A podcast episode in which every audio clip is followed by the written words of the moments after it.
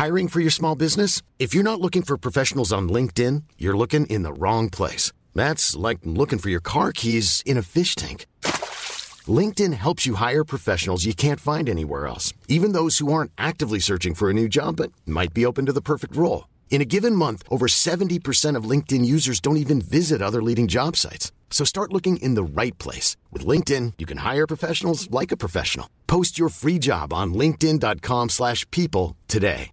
Mother's Day is around the corner. Find the perfect gift for the mom in your life with a stunning piece of jewelry from Blue Nile. From timeless pearls to dazzling gemstones, Blue Nile has something she'll adore. Need it fast? Most items can ship overnight. Plus, enjoy guaranteed free shipping and returns. Don't miss our special Mother's Day deals. Save big on the season's most beautiful trends. For a limited time, get up to 50% off by going to BlueNile.com.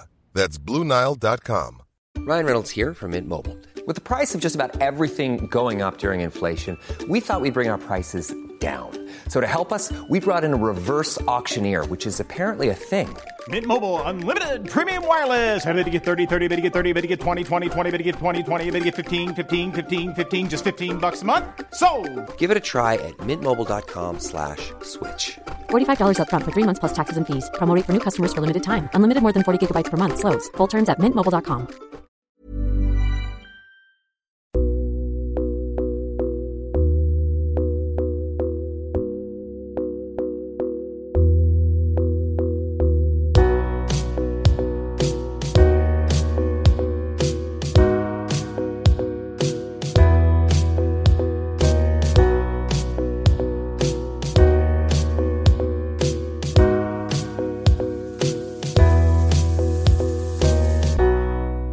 Du lyssnar på Säg vad du vill Åland, en lokal podcast med fokus på fria samtal. Jag heter Jannik Svensson och producent för podden är Didrik Svan. Vår podd består av mastodontsamtal. Vi vill ha långa samtal eftersom vi då får chansen att verkligen gå in på djupet. Idén är att fokusera på fria samtal. Det här är ingen debatt eller någon form av duell där det finns en vinnare och en förlorare. Det här är ett samtal där vi lägger fördomar åt sidan och där målet är att minska polariseringen. Vi tror att öppenhet är grunden för det demokratiska samtalet och vi vill uppmuntra dig som lyssnare att välja att exponera dig för samtal med någon du inte håller med om, hur triggad du än blir. Det kommer att diskuteras en hel del politik i den här podden och för att du som lyssnare ska slippa tänka på vad jag som programledare står politiskt kommer jag att med egna ord redovisa det för er. Jag tror på öppenhet även för min del. Min politiska bias, mina glasögon och min ideologi är frihetlig liberalism och jag är aktivt engagerad i politiken.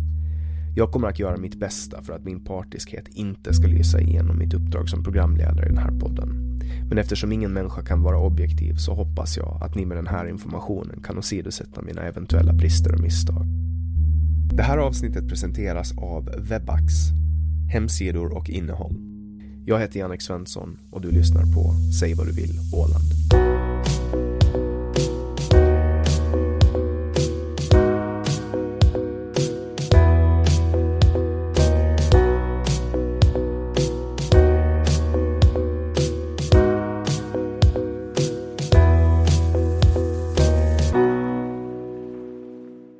Kivio är tungdykare och kommer från Fögle. Han driver sajten Ålands Nyheter. Till vardags bor han i Brasilien. Genom sin sajt står han bakom många kontroverser och uthängningar. Välkommen hit, Carl Kivio. Tack ska du ha Jannike och tack för att jag fick komma. Du har ju varit en extremt efterfrågad gäst. Ja, ja du, jag fick höra det. Hoppas att jag kan eh, säga något intressant till dina lyssnare, att de inte blir uttråkade. Ja, jag, jag, tror, jag, tror att det, jag tror att det här kommer att bli nästa succéavsnitt. Vi har ju försökt få med dig nu sedan i mitten på maj, sedan vi startade egentligen. Ja, Men av praktiska orsaker hade det varit lite svårt. ja, nu fick vi äntligen en chans. Varför hade det varit svårt? Då vill du berätta?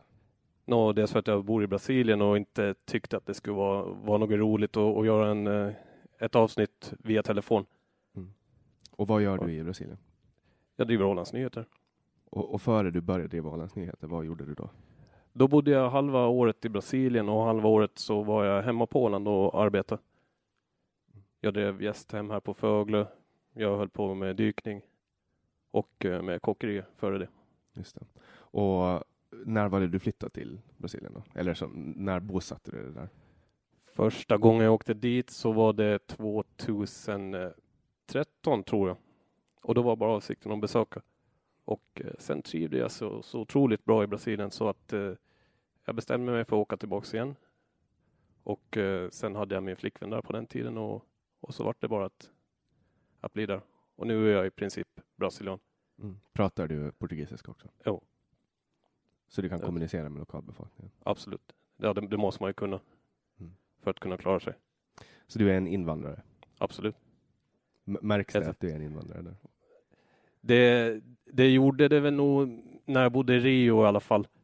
För där sticker jag ut lite med, med hur jag ser ut då förstås. Eh, Och, eh, men nu när jag bor i Florianopolis så ja, då märker ju folk ganska snart när de börjar prata med mig naturligtvis att jag bryter kraftigt. Så, men på utseende så är det inte alltid att man märker det på mig. Mm.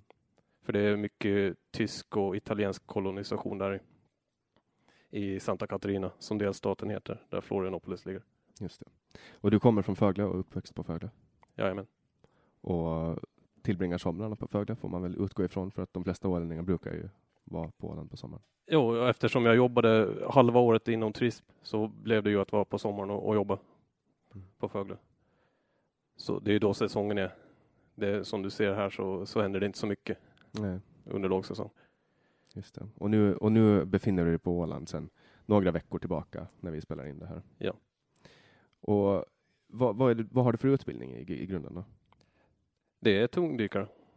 Vad innebär Ja, tungdykare? Att man typ dyker på oljeriggar eller något sånt? Nej, utan eh, det är offshore-dykare som dyker på oljeriggar och de dyker med saturering som det heter så, så då, blir, då blir kroppen full med kväve. De, de som fritidsdykare förstår kanske vad, vad det här handlar om.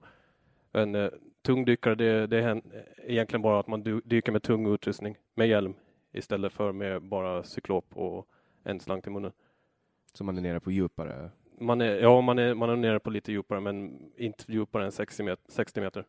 Vad är det man gör då? Utför man arbeten eller är man och tittar? Vad, vad liksom? Ja, ja, det är allt möjligt. Eh, när jag jobbade på Åland så höll vi på att borsta på färjorna. Så det, det blir beläggning på dem och sen får man dem borsta där och så kan de ekonomisera sitt bränsle. Okej. Bra mycket också. Mm. Och annars är det att bygga saker och eh, inspektera färjor och inspektera hamnar. Lägga ut bojar. Hade varit ner och inspektera bergsgrunden utanför Degerby någon gång? Nej, det, det har det faktiskt inte varit. Eh, ja, jag, jag har sett att det har varit ordat mycket i tidningar om det där med, men jag är väl den Föglebo som kanske är minst intresserad vad det gäller tunnlar och, och broar. Så då utgår jag från att du inte heller har en åsikt i frågan. Jo, no, visst, eh, visst har jag en åsikt, men ja, för det första så bor jag ju inte här. Så det är väl de, de som bor här som mest ska ha en åsikt och förstås resten av Åland som är med och betalar för vad det blir. Jag tycker att, eh, att det är väldigt bra trafik som det är till Fögle redan nu, redan idag. Det är många turer som går med skarven. Eh, Det finns andra sätt att ekonomisera och få det billigare än att börja med de här stora projekten. Mm. Är du för eller emot Gypebron? Jag tror det är en dålig investering. För så, så vitt jag förstår det så kommer ju den att räkna hem sig efter ett tag. På grund av att man sparar 10 minuter på 20 avgångar om dagen så, Jo, i bunker. Men det är bara det är en ganska komplicerad fråga. Det är inte så lätt att sätta sig in i den har jag noterat. Nej, saker har ju en förmåga att bli dyrare än vad, än vad man först planerar. Speciellt när det gäller infrastruktur. Och sen får man väl också tänka lite på hur, eh, hur mycket man vill förstöra naturen där ute på Gripe. Mm.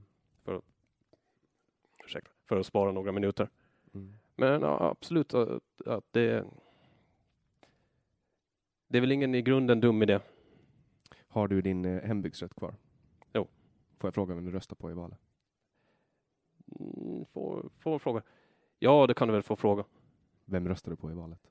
Jag röstar på din gode vän Knatte. du röstar på Ja. Knatte Polén? Ja, jag tyckte han var rolig. Ja, han, eh, det är många som upplevde att han, att han var rolig och, och kollar man på, på valresultatet så, så var Åländsk demokrati 21 röster ifrån att falla ut. Så Jo, det gick dåligt för dem. mm, Ja. han, han bara, alltså skulle, skulle Knatte ha ställt upp för Ålands framtid så kanske de skulle ha åkt ut. Och det. Så, så nu har Stefan Toivonen har Knatte att tacka. Han kan stå i tacksamhetsskuld. Och sen det här nog med, med att prata om vem man röstar, med, röstar på. Att det hör ju inte till att någon, någon som är opinionsbildare ska prata om vem de röstar på och så där vidare. Men, men jag tycker att, att vadå? Det är väl bara att säga vem man röstar på. Varför ska folk vara så hemliga om det? Ja, alltså du Inte följer före valet däremot. Men du följer ju inga regler i övrigt när det kommer till eh, alltså att hålla de klassiska eh, ramarna för opinionsbildning. Nej, ja, En liten avbrytare ska jag säga. ja det, kan, det kan man säga. Jag följer lite andra regler. Mm. Men då följer jag regler också. Vem röstade Ja. du på förra valet då? Förra valet så var jag soffliggare. Så då röstade du inte? Nej. Och valet före det? Det minns jag faktiskt inte. Men, men har, du, har du någonsin röstat på ett annat parti än Åländsk Demokrati? Då? Det har jag gjort. Vilket parti då? Det tänker jag inte gå in på. Mm. Det är för att du skäms eller? För att du skäms? Nej, men det, det, det är så länge sedan. Så det, det, har ingen eh, det har ingen betydelse egentligen. Mm. Eftersom det kan folk få sitta hemma och gissa på. Ja. Vem kan det vara han har röstat på? Är det, är det många som uh, frågar om du vill ställa upp för dem i valet? Nej, Har någon det gjort det. Jo. Har Stefan Toivonen gjort det? Jag tänker inte svara på vem. jag kan tänka Så- mig att Stefan Toivonen Eh, Du får fråga honom i så fall. Ja, Så. nej, han, var ju, han var ju väldigt noga under eh, samtalet som vi hade med honom i maj, eller om det var juni. Han nämnde ju inga namn på någon. Jag tror att han är den enda gästen som inte har nämnt andra människors namn. Okej. Så, så att han, han, eh, det var väldigt diplomatiskt av honom. Men eh, Ja. nu sitter vi och nämner hans namn, men jag tror inte att han har någonting emot det. Ja, no, det är du som nämner hans namn. Ja, Det tror jag inte heller att han har något emot. Han kommer att höra Ja. det här. Ja, garanterat kommer, kommer han väl det. Eh, men eh, så här är det att eh, som opinionsbildare så tycker jag inte att man ska ta ställning före valet. Sen efter valet kan jag ju säga vem, röst, vem jag röstar på. Vad spelar det för roll?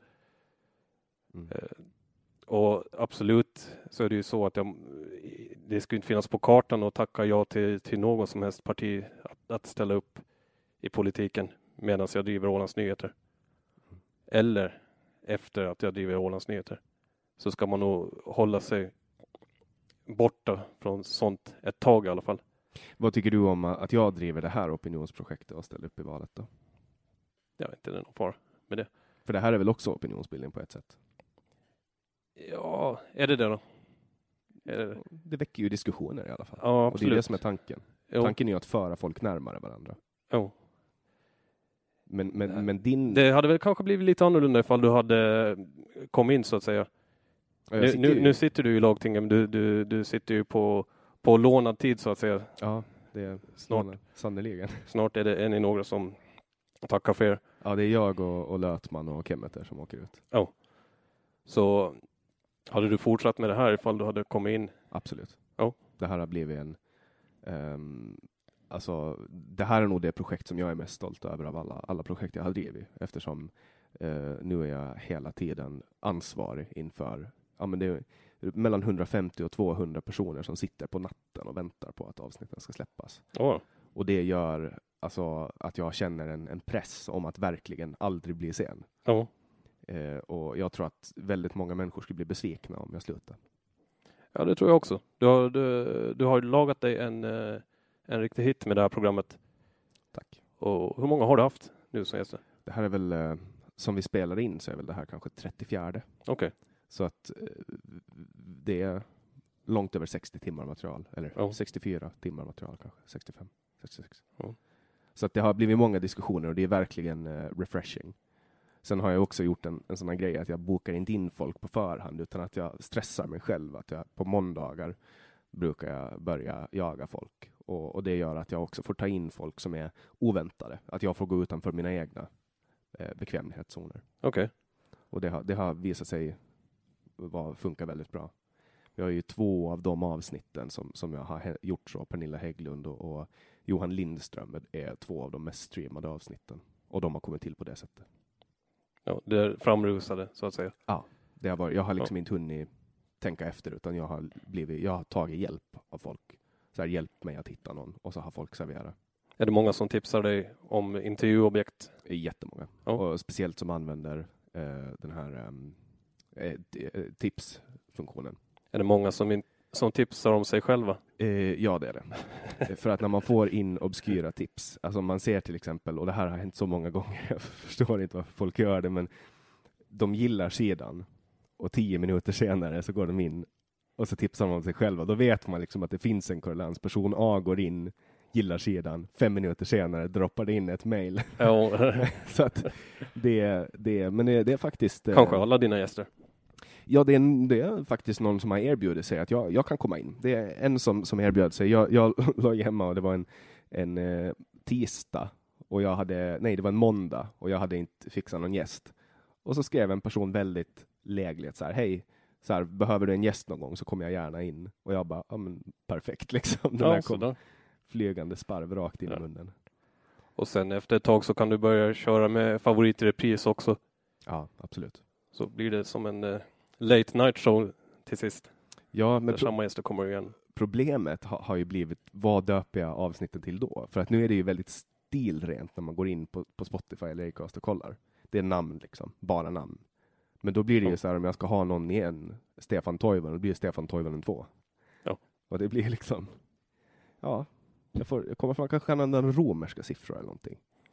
Ja, eller så, eller så byter du så småningom eh, koncept, inte koncept, men du, du kan kalla det för helt enkelt eh, säsong två, Mm. episod tre, Ja, sen har, jag, gästlista. sen har jag också lekt med tanken att, eh, att ta bort Åland så att det blir Säg vad du vill. Eh, och, och gå nationellt i Sverige. För jag har ju fått väldigt många dörrar öppnade nu av Aron Flam när han tog in mig. Ja. Så det, det är någonting som jag tror att skulle, skulle funka ganska bra också. För att jag har väldigt många, jag fick ju in, alltså det kom väl kanske, eh, ja, det kom extremt många, det kom väl kanske 8-9 tusen streams bara från att Aron Flam länkar mig Oh, eh, till min podd. Och nu har jag en 200 stycken svenskar som lyssnar på alla avsnitt. Så att ja, jag, så där. Jag har ju liksom mätpixlar på så att jag kan se hur ofta folk kommer tillbaka. Jag mäter egentligen allt. Ja. Och, och jag tror att det finns en potential för att gå ut i, i Sverige också. Har, Ålands Nyheter funderat på en podd då? Nej, jag har nog inte funderat på det. Kanske det blir tv-program Ja. till sist. En eh, OB-TV. Ob. Ja men Sweb-TV. Jaha, ja, jo. Eh, nej, så länge skulle jag inte orka sitta och prata. Som, eh, jag har inte sett ett fullständigt avsnitt av deras webb-tv, men eh, de sitter ett bra tag. Ja, och, och de har ju också, jag läste en analys om SwebTV. Folk eh, har ju varit väldigt hårda med att de är, det är white power-rörelser, det är nazister. Men jag läste en, en ganska nykter analys på det där, att det är ett gäng äldre personer som är konspiratoriskt lagda, som är jävligt osmidiga när de bjuder in gäster. kan vara. Kan vara. Jag, jag, jag har inte läst om kontroverserna så, så mycket kring det. Eh, just sådana här svenska affärer så, så har jag lagt lite åt sidan för det, det är ändå så många som, eh, som sköter om den biten i Sverige. Du har, du har ju alla sorters perspektiv Mm. och eh, alla sorters du har sajter, du har tidningar och du har ja, till och med tv-program som är från, från alla, alla håll och kanter så så jag, jag, har, jag är egentligen inte så intresserad av Sverige längre. Följer du finsk politik då? Någorlunda, någorlunda. Det är svårt när man inte är finsktalande. Jag inte, talar du finska? Nej. Okej, då är vi två. Ja, jag, jag förstår enkla fraser som hej och hej då. Ja, ja jag, får, jag förstår knappt, knappt det. Ja, det är, men ändå har det ett finskt efternamn. Det har jag, det har jag och jag har finskt ursprung också. Så Ja. kiwi, det är granit på finska? Ja, Kiwi betyder ju sten. Är det sten? Okej. Ja. Det är nog, det är nog inget eh, efternamn som betyder något, något speciellt. Vad, vad jag vet. Mm. Det är en liten släkt. Det är inte så många som heter Kiviö, men det finns. Det finns några färre än, än Karlsson och Eriksson. Ja. Svensson är ju ganska ovanligt på Åland i övrigt. Ja, det är det ju faktiskt. Det är ju, de flesta är ju från, men vi, vi har ju tagit Ja. namnet från, det kommer ju från Sverige då. Min, Ja. min gammelfarmor från Lövö, i, eller min gammel, min farfars mamma från Lövö gifte sig med en, en man i, från Sverige. Eh, och det var så Svensson-släkten kom hit. Precis. Hur många är ni då? Ja, det, det går det Ja, vi, är nog, vi är nog ganska många. Eller alltså alla, alltså Svensson vet jag inte, det finns ju några Svensson till släkter, men i min släkt så är vi inte så farligt många. Vi är väl några stycken. Vi har ju ett, ett sta, en stadig fot i Stockholm och en stadig fot här på Åland. Och det har du själv också, eller hur? Ja, jag har ju bott i, i tre år i Stockholm och har liksom, ja men nu har jag ju byggt upp en jättestor vän, vänskapskrets där och så. Ja. Det är ju svårt att slita. Men, men det är lätt att glömma. Hur, hur gör du nu då? Med, du, kom till, du sa att du kom till Åland för att delta i lagtingsvalet. Ja, jag hade ju bestämt mig för, jag har ju fortfarande, jag startade ett företag 2016 som jag fortfarande har kvar här på Åland och jag har haft lite aktivitet och jag och, och min fästmö Kajsa har frilansat mycket och gjort mycket jobb här så jag har hela tiden haft en fot. Men det var två stora faktorer som, som spelade in på att, att jag flyttade tillbaka. Den ena var att eh, min bror fick två barn och det var jättejobbigt för mig att missa viktiga saker i deras uppväxt. Att jag var inte här på Åland när min, min brorson gick för första gången och sådana saker. Och varje gång jag Ja. såg honom så blev han större. Och, alltså, det var sådana glapp. Men sen var det också lagtingsval. Jag hade uppskrivet, jag har haft det som mål i, i tio år att komma in i lagtinget. Så Ja. jag kände att nu ger jag det en chans. Och sen, kom ju podden, sen var ju podden också en stor bidragande faktor. Ja. Ja, nu, nu fick du vara med i lagtinget en stund, men nu blir det sen nu. Åker du till Stockholm? Du sa att du planerar att... Ja, nu ursäkta, nu är det jag som sitter och intervjuar Nej dig. men det är ingen fara, det är bara bra. Vi ska ju hålla på hur länge som ja. helst. Så det, Kommer du åka tillbaka till Sverige nu? Eh, svar, mm, ja, nej, Ja. jag tror inte. Ja. Eller det beror, det beror helt på. Alltså, jag har ju jobberbjudanden i Stockholm som, Ja. som är lite frestande. Eh, men sen har ju jag och, och min fästmö ett företag här och det går ganska bra och det ser, det ser rätt bra ut liksom. Och jag trivs ju hur bra som helst. Men, Ja, men om ni trivs bra här så är det ju bara att bli. Och sen finns det lite andra utomlandsmöjligheter också. Men det är liksom, får se, man får ta det lite som det kommer. Absolut. Så att, eh, men, men podden eh, kommer jag, hur jag än, även om det skulle vara så att jag flyttar tillbaka till Stockholm. Det är ju i sådana fall kanske för studier eller någonting. Jag håller på att göra klart mina gymnasiestudier nu. Är det så? Ja, jag hoppar av Ja. eh, gymnasiet. Jag måste också komplettera faktiskt. eh, Jag, hoppar inte av, men, men sen eh, efter gymnasiet så, så satt jag mig inte i en skola på många, många år förrän jag gick i dykarskolan. Och då måste jag komplettera matematik från gymnasiet för att kunna komma in. Vilken gymnasieskola gick du? Jag gick i Sverige i Gamleby, Jaha. nära Västervik. Ja, Kajsa kommer ju från Gamleby, min fästmö. Är det så? Så jag är mycket där. Oh, ja. Vilken skola gick du där? då? Valstaskolan, om den finns kvar. Det tror jag nog att den Ja. finns. Och Mm. Eh, spännande, kul. Då har du bott, eh, då har du bott eh, vid, väldigt nära mina svärföräldrar. I tre år. Ja. Var någonstans i Gamleby bodde du? Eller bodde du i Västervik? Nej, eh, jag bodde, eh, skolan var ju en internatskola. Så först bodde jag på internatet och sen skaffade jag mig en lägenhet där i Gamleby. Okej. Då är det mycket stor sannolikhet att du har stött på Kajsa. Eh, eller troligtvis hennes mamma också. Antagligen, antagligen. Vilka år var det du bodde där? Vad var det? 2003 till 2006 Ja, det var då Kajsa gick i gymnasiet. Så att, eh, tror jag.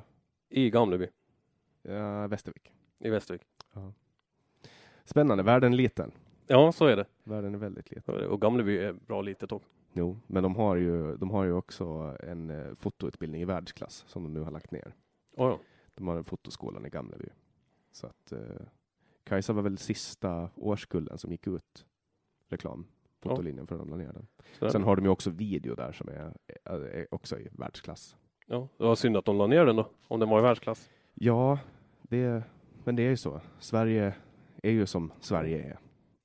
Det det är mycket man Ja. inte förstår Ja, med det samhället. Och- Och jag blev ju en stor bidragande orsak också varför jag ville lämna Sverige. För det fanns ju också saker som knuffade bort mig. Det var att Stefan Löfven skulle få fortsätta som statsminister. ja. Då är hoppet ute, tänker många säkert.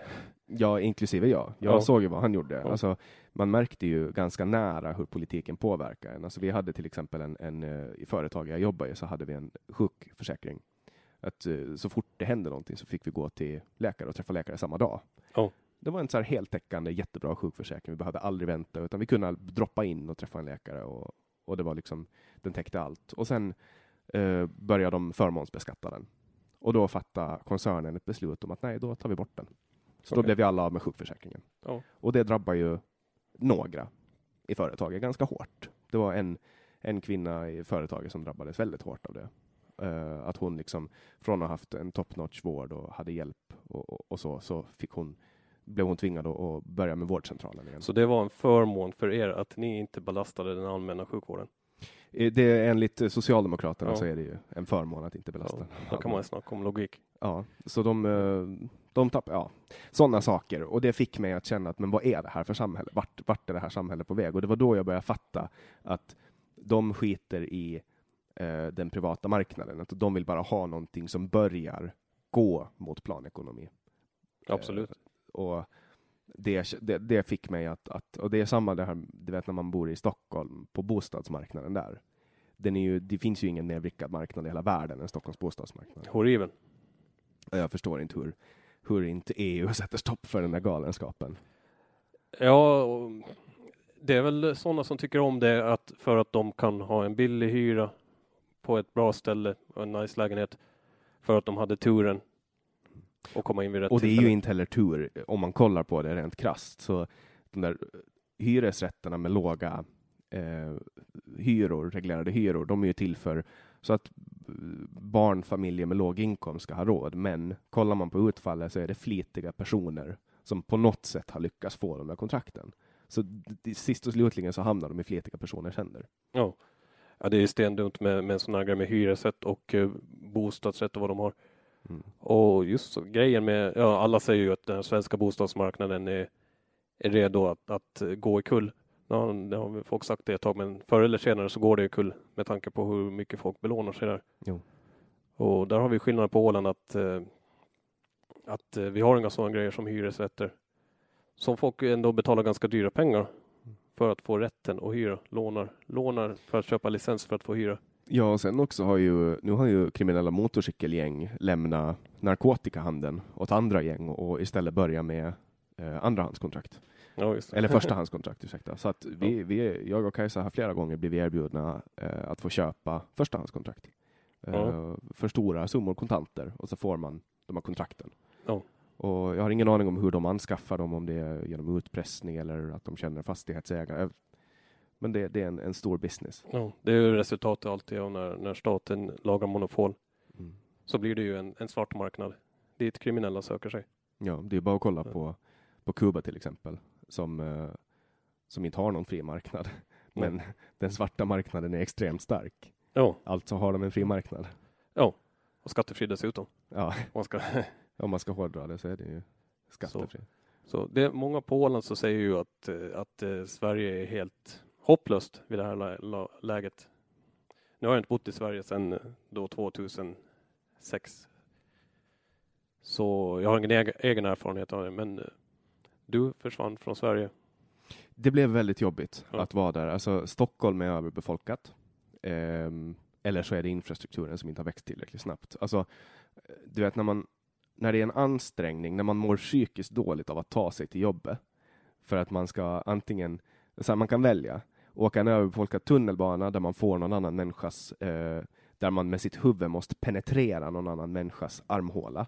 Eh, detsamma gäller på en buss, eller så måste du cykla med folk som är helt galna i trafiken. Alltså folk är så jävla frustrerade och tutar och skriker och hattar med nävarna och det är liksom, det där tempot är Ja, Jag, tror jag, jag börjar känna igen mig lite från Brasilien. Ja, ja, men så är det väl i de flesta städer. Men jag- kan ju liksom sätta det i referens till till exempel Hongkong. Eh, där har du inte alls samma tempo, trots att det bor så sjukt mycket människor. Det är så här 6,5 eller 7 miljoner människor på en yta som är lika stor som Åland. Och, Ja. och där har de liksom, det är rymligt i tunnelbanorna, det är rymliga gator och allting. Stockholm är liksom, det är någonting. Kan man gå ut på kvällarna? Eh, i, I de fina områdena, ja. Fina områden. Och, och det blev ju att man automatiskt isolerar sig ganska mycket. Eh, Jag var, rörde mig främst på Södermalm och Östermalm och det var Ja. väldigt sällan jag åkte utanför. Okej. Ibland som längst kunde jag åka till Liljeholmen och handla. Ja, Men, men i övrigt så kunde det gå flera veckor utan att jag lämnade de områdena. Ja, för folk är väl antingen på jobb eller så är de hemma. Ja, sen är det ju, sen är ju folk ute och njuter av nöjesliv och sånt. Men, men alltså inne i centrala Stockholm så är det nog ingen fara, bara man inte liksom går in i Björns trädgård. Eller Ja, någonting. jag känner inte till vad det är. Det är på Medborgarplatsen. Man, man har ju satt upp massa, massa kameror på, på plattan och flyttat all droghandel. Eh, eller man trodde att man skulle få bukt med det, men det som hände var att den flyttade till Björns trädgård istället, precis vid Scandic Malmen, mitt på Medborgarplatsen. Eh, och, och det som hände då var ju att de kom dit och nu sitter de där istället. Så att eh, det är en av Sveriges farligaste platser. Ja. Och vi bodde, jag och Kajsa bodde i Skanstull ett tag och då var det så här en dag som vi kom dit, då var det någon som hade knivat en polis. Och en annan dag så var det en, en människa som låg på marken som hade blivit knivhuggen. Och det var liksom så här, det hände, man Ja. såg alltså. Det är otroligt hur det eskalerar i, i Sverige. Vad det verkar. Sen, sen säger statistiken att våldsbrotten inte har gått upp. Nu när vi spelar in det här så, så har ju SVT pratar ju bara här i förrgår om att eh, skjutningar bland unga, eller sprängningar bland unga, är den största i hela Europa, i Sverige. Ja, finns det ens någon annanstans i Europa? Alltså, nu är den den största. Det, det, Ja. det, jag, har inte, jag har inte gått in så mycket djupare än det, men det är ett tecken på att det är stort, det är att, att eh, Sveriges Television skriver om det och rapporterar om det. Ja, och inte trycker undan det. Ja, för det är ju ingen, det är ju ingen stor grej att, eh, att eh, alternativ media skriver om det. För att det är ju deras jobb att väcka opinion mot det. Mot skjutningar. Ja. ja, eller, och, mot, spräng, och sprängdåd. ja, eller snarare Ja. mot det man uppfattar som det politiska etablissemanget, det vill säga Socialdemokraterna, Centern, Liberalerna. Ja, ja alla, alla nyheter och alla tidningar så ska ju vara i opposition mot makten, Mm. oavsett vilka som sitter vid makten. Men även om man kollar på hur, hur till exempel Aftonbladet, de har ju startat en lokal satsning i Malmö och där är 40 procent av det de skriver om är skjutningar. Det är Ja. för att folk klickar på det så mycket. Ja, nog visserligen är det, är det det. Men det är också, alltså om, om, det, är- om det är en skjutning så är det en, och en kriminell som dör, inte påverkar det vanliga människor. Om det är en, ett sprängdåd och bara materiella skador så inte påverkar människor. Men det visar, det visar hur, hur trenden i samhället ser ut och, och det visar att det ja, man ska säga, det är en maktdemonstration av, av kriminella. Ja, det är ju de som bestämmer Ja. när det får hända. Men sen, sen det roliga är ju att det här har ju pågått, hur, eller det är ju inte roligt på något sätt. Jag tar tillbaka det där ordvalet. Det tragiska eh, är att det här har ju hänt i så många år. Skjutningar, det har skett i förorterna. Men nu för inte alls så länge sedan så var det en kvinnlig läkare som blev skjuten i ett välbärgat område. Och Ja. då helt plötsligt börjar alla kändisar säga att nu ska de lämna Malmö. Ja, absolut. Om man nu är i skottgluggen själv. Ja. Så att det var liksom, på ett sätt så, folk borde ju ha sett det här komma. Alltså om det skulle börja brinna Ja. bilar i Strandnäs på nätterna, då skulle ju folk här reagera på att nu är det någonting som Ja. händer. Det är det som är vårt stora problem här i Norden med att, eh, att eh, vi är apatiska och eh, det är ingen som vågar göra någonting eller säga någonting. Och man tänker, ja men det är där borta. Skulle det börja brinna bilar i Strandnäs, vad skulle folk som bor här på Föglo kanske säga? Ja, det, det, det är problem som de har där i Mariehamn. Mm. Säger, ja det är massa knarkare i Mariehamn, det är Mariehamns problem. Hur nära ska det komma Mm. innan man, innan man eh, Innan man reagerar. reagerar? För att det där, sen är det ju också mycket i den här debatten, alltså det finns ju aldrig... Ur, ursäkta att jag avbryter, men för, för, att, eh, för att ta ett konkret exempel istället för ett påhittat nu med, med Strandnäs, så se på de här grejerna i Uleåborg i Finland, Mm. som det var Veronica Törnros, när det var det här rabalder med Runa Karlssons helt eh, vettiga uttalande. Och så, var det, och så var det stort rabalder kring det och så var det, det var Veronica Törnros som sa att eh, det där är ett problem för Finland, inte för Åland. Om Uleåborg? Ja. Det var, det var kniv, det var kniv. Nej, utan det var de här våldtäkterna, organiserade våldtäkter på barn och unga. Mm. Som det var män från Me- Mellanöstern. Och, och då skrev Runar Karlsson om det. Ja, han, han skrev, han gjorde en uppdatering på sociala medier som han skrev att, att eh, vi måste sluta ta in män från, eh, från vissa länder. Högre där de har- tror jag han sa kanske. Ja, jag tror de sa, jag tror han skrev länder där det råder en usel kvinnosyn, skrev han. Ja, så var det nog. Och eh, då, det hade inga skrivits något, förutom jag, så hade ingen skrivit i åländska medier om de här grejerna i Uleåborg. Före det, för Runa Karlsson skulle djävulsförklaras för det uttalandet. Vad, vad tror du att det beror på? Att det blev så? Jag tror helt enkelt att de, eh, att de eh, av politisk ideolo, ideologiska orsaker så vill de inte skriva om, om negativa konsekvenser av, en, av invandring. Och vad beror det på? Ja, säg det. För att du skriver ju väldigt mycket om, om invandring. Ja, det har, det har blivit ganska mycket mindre nu på sistone. Men det var väl så Ålands Nyheter egentligen byggde sig ett namn? Ja, det var... eh, Invandring har aldrig varit huvudtema för Ålands Nyheter, men det är det som folk är mest intresserade av. Mm. Så är det. Huvud, huvudtema har nog alltid varit korruption. Ja. Och, eh, och de här bidragsbetalningarna. Men eh, det är så att folk är intresserade av, av eh, invandringsfrågor. Mm. Och, Och då måste man ju skriva, skriva om det. hur många läsare har ni i veckan? Jag har i veckan, jag har några tusen om dagen. Några tusen? Det är betydligt mindre nu efter, efter att jag började med prenumeration. Ja. Förut så var det väl en, en 5000 ungefär om dagen. Lever du på pengarna från Ålands Nyheter? Nej, det gör jag inte. Hur mycket tjänar du i månaden före skatt? Det, det är konfidentiellt. Men det, det, är nu, det är nu inte frågan om att jag tjänar något på Ålands Nyheter, utan nu när jag börjar med prenumerationerna så kan jag gå lite mindre minus. Mm. Ja, det är som Så- det här projektet då. Det, det betalar sig inte på långa vägar. Mm. Visst, det hade betalat sig om jag hade tackat ja till, till diverse skumma erbjudanden.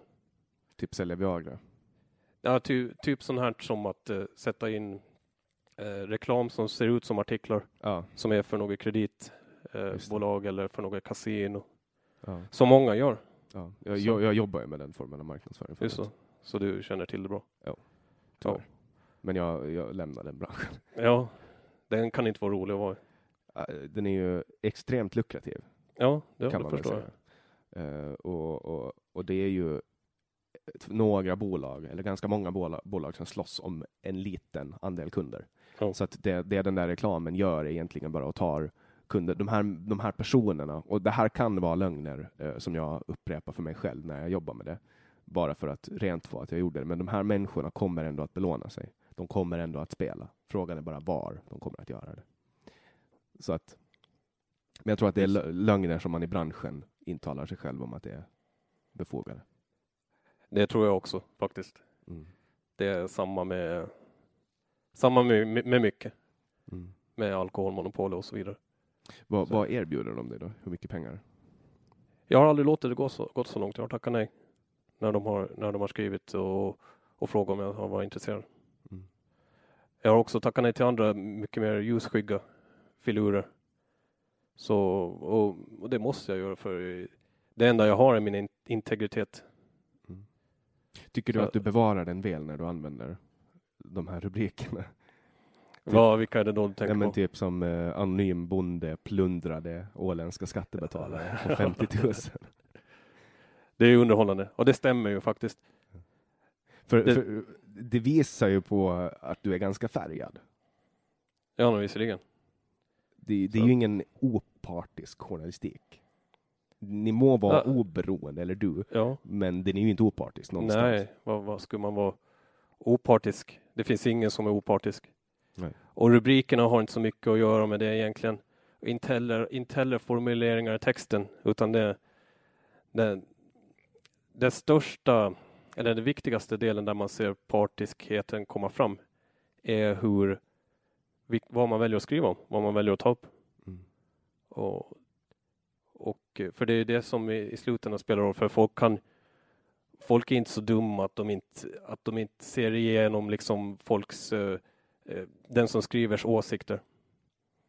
Så jag låter dem komma fram, det, det, och det är tydligt också. Ja. Det är inga några smygord att smyga in kontroversiella som ett, du som har varit i journalistbranschen vet hur lätt det är att försöka misskreditera någon med att skriva kontroversiell. Nu är jag kontroversiell så det gör inget att du kallar mig det. Men det finns andra grejer också, att nu är de i blåsväder, nu är de i hetluften. Ja, det där med blåsväder, jag hade ju sådana rubriker för några veckor sedan. Ja, Politiker i blåsväder, eller Ja. Svensson i blåsväder.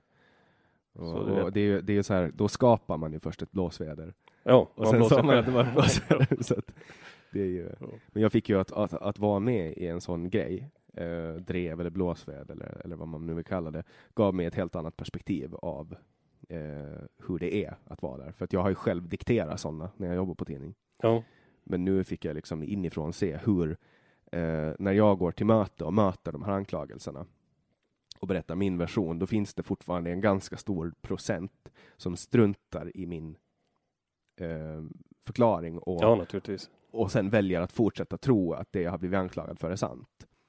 Och, och då spelar det egentligen ingen roll vad man säger, utan då har man blivit dömd av tidningarna. Så är det. Så är det. Inser du att du har gjort det mot människor? Det som jag skriver så grundar ju sig på, på säkra källor. Det vill säga rättegångsdokument och offentliga handlingar. Och det är ju därför jag är noga med att alltid ha källor med. För du har ju Så- hängt ut eh, ett antal personer liksom, för politiska bidrag och sådana saker. Eh, hur menar du med politiska bidrag nu?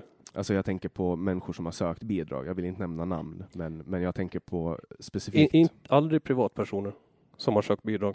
Utan det handlar alltid om företag och föreningar som får bidrag. Så, Så- Men personer som, som representerar de föreningarna har fått fronta med bild och namn. Ja, absolut. Och även anhöriga till personer som har företrätt föreningar har varit med. Nu, nu måste du mer specificera dig. En, eh, en förening som handhar ungdomars intressen, vars Okej. projektledare har ett barn. Ja, det blir lite konstigt om du inte nämner namn. Okej. Du pratar om, Ja. om Skunk och den här Mia Hanström och de affärerna. Precis. Jo. Och eh, ja, absolut, eh, hon är, hon är en offentlig person. Och eh, det som, det som står där, så står jag för. Det som står i artiklarna. För Och- hon, hon hade hört samtalen med henne. Jag tror jag lyssnade en stund på det. För jag, Ja. det var rätt länge sedan Ja. nu, men jag är ganska säker på att vi pratade om det här Ja, då. Eh, och, och hon menar ju att det är inte hela sanningen som kommer fram i din rapportering av det. ja, hon får gärna skicka en, eh, en eh, replik eller, eller vad man kallar det Mm. i så fall. Det är inget, det, hon har inte hört av sig. N- När man kollar på media då, det, det du får mycket kritik från, från media är att du inte har en ansvarig utgivare. Ja, det är ju en teknikalitet egentligen. Mm. Det står, det står ju mitt namn nu på sidan. Det står att jag är ansvarig för det som skriver. Och det är vi alla människor. Vi, vi är ansvariga för det vi skriver och det vi säger. Oavsett om man jobbar inom media eller inte. Mm. Hur många gånger har du blivit polisanmäld för det här? Ålands Nyheter? Jag vet inte. Har du varit på Ja, ja, ja, polisen har, hade fått in, eh, det var 13 olika individer som hade polisanmält mig. För eh, olika saker eller för samma sak? Vad hade de tillsammans polisanmält eller? Ja, det är frågan, det, vem, vem, vem kan veta det? Ja, dels Mia Hanström, hon, hon är ju offentlig med det. Mm. var ju offentlig med det. Eh, Hon skrev ju, eller hon sa ju det i sin blogg, även känd som Ålands Radio. men eh, men eh, skämt åsido, skämt åsido. Sen de här andra dussin, dussinet, så det är människor som, eh, som har varit inblandade i, i, i olika brott. Det är alltså människor du har skrivit om som har anmält dig för att du har hängt ut deras namn eller? Ja. Och eh, har du varit på något förhör? Jag håller för, förhör med polisen. För jag har läst att du eh, är på flykt från polisen. Ja, det, stä- ja, det stämmer nog inte så bra. Har du varit tillmötesgående när de har ringt dig? Vi har, vi har kommunicerat per e-post, Och, och har ni förrättat förhören via länk eller? Skriftligen. Okej. Och eh, ingenting har gått vidare till åtal? Eh, vi får se. Är du orolig för att det kan ske? Nej. Och sen, sen, Alltså det kan, det kan ske att det går vidare till åtal. Men jag är inte orolig. sen, sen har det ju också ryktats om att du är eh, jagad. Att folk försöker få tag på dig. Ja, då har du hört mer rykten än mig. Ja, antagligen. Det sägs att, att folk är ute efter att, att slå dig, helt enkelt. Det har jag Ja. hört. Ehm, och det härstammar väl från att du har skrivit saker om folk. Ja, det är väl klart att det går rykten alltid. Har du blivit Det- hotad någon gång? Nej. Så du har inte Ja, det, det, har, det har varit lite så här tafatta försök till hot. Mm. Så, men det är väl inte så lätt att hota mig. Mm, nej, antagligen inte. Eh, apropå, apropå sånt där så. Jag tror det är, väl, det, är, det är många som frågar samma sak som du. Och liksom tror och tänker men Det är också sen det med att i de här artiklarna om brott så står det ju faktiskt hur det har gått till. Även om man figurerar med namn så är det ingenting påhittat. Och den som har blivit dömd, hans eller hennes sida kommer också fram, fram där. Så sist och slutligen så är det väl inte så mycket att, att hetsa upp sig för. För det, den kritik som, som förs mest mot Ålands Nyheter är att den är rasistisk. Ja, det alla kallas för det nu för tiden. Men kan, kan du förstå varför folk kallar den för rasistisk? Absolut, för det är ju det, är ju det första man gör när det är någon som är, är högerorienterat. Så det är ju första sättet de försöker. För du har ju rubriker som där du skriver till exempel invandrarliga eller... Ja, det var ju en invandrarliga. Och sen skriver du också om deras ursprung. Absolut. Vilken nationalitet de har. Att Absolut. det är oftast det som är prefixet för ja. personen. Ja, dels, dels för att det alltid är bra att ha ett prefix. För om det blir han och hon mycket i, i texten så, så kan ju, råda, kan ju folk råda ihop liksom skriva är det, är det gärningsmannen nu eller brottsoffret. Mm. Så det är behändigt att ha ett prefix. Eh, visst, de, de här första artiklarna så var, var det lite väl mycket med prefix. Nationalitet som prefix. Men eh, det, jag tycker absolut att det är viktigt att man eh, lyfter kriminellas bakgrund, gärningsmäns bakgrund. Och jag kan inte riktigt förstå hur det kan vara ett tabu. Det är säkerligen synnerligen inte tabu någon annanstans. Ja, i Sverige. Ja, i Sverige ja, förstås. Så, så där förstås. finns det ju alternativa medier ja. som, som har lite som grej, lite som idé att de ska hänga ut folk. Det är inget tabu i Finland? Jag, jag följer inte finska okay. medier, tyvärr. Där brukar gärningsmannens namn stå också. Det visste jag och, inte om. Eh, och nationalitet. För, för jag menar, det förs ju fram, alltså, och så är det ju nu. Alltså som, om vi tar Stellan Egeland som exempel. Han eh, gjorde enligt eget utsaga då ett OK-tecken för att han var glad för att han kom in i ja. lagtinget och enligt tidningarna så är det här då en white power-symbol. Ja. Vad tycker du om det som fenomen? Jag tycker det var två otroligt stora bäverfjanterier där i samma veva. Dels var det det här de här anklagelserna mot dig och sen var det det här med Stellan Egelands. Eh, jag räknade som rent nonsens att ens eh, skriva om. Och det, det tyder också på, på någon sorts eh, frånkoppling från verkligheten. Att man tycker att det är viktigt att skriva om att han gjorde ett OK-tecken. Och att, eh, och att man tror att ålänningarna faktiskt kommer att gå på det. Säkert finns det några som går på det. Att, det skulle vara, att, att han skulle vara någon sorts nazist. nazist. Alltså, det är ju lite så jag eh, upplever att situationen är. Att man eh, säger det tillräckligt många gånger. Man säger namnet och sen säger man en rörelse. Om man gör det tillräckligt många gånger så, så kommer det att bli en, en association. Ja, det är hela tiden. Och om, om du slår upp en, eh, en av de här traditionella medierna eller lyssnar fast på Ylle eller, eller vad som helst. Så det är hela tiden, också när man pratar om utländsk politik, så det är alltid ytterhöger, ytterhöger, extremhöger, extremhöger. Ja, det enda som händer då är att man, man förflyttar ju extremhöger från extremhöger. Ja, så jag, jag tror att eh, nu alldeles snart så är det egentligen, verkar det som att hela världen är extremhöger. Förutom eh, några kvarter i Mariehamn och några kvarter i Stockholm, kanske några i Helsingfors. Mm. Och resten av världens befolkning är de här avskyvärda, extremhöger, etc. etc. Vad, vad I Brasilien, folk... i USA. Vad, vad, brukar folk kalla dig då? Vad de brukar kalla mig? Säger de att du är extremhöger och nazist och sånt? Nej, det är, det är nog bara sådana som har journalist som titel som har, som har skrivit sånt. Är du rasist? Nej. Eh, men vi skulle, vi skulle kunna prata om, om det där lite, lite mer ingående.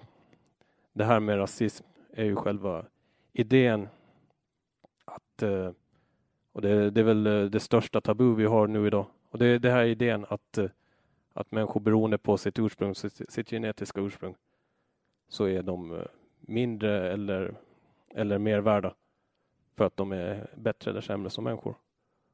Och eh, det går inte riktigt att...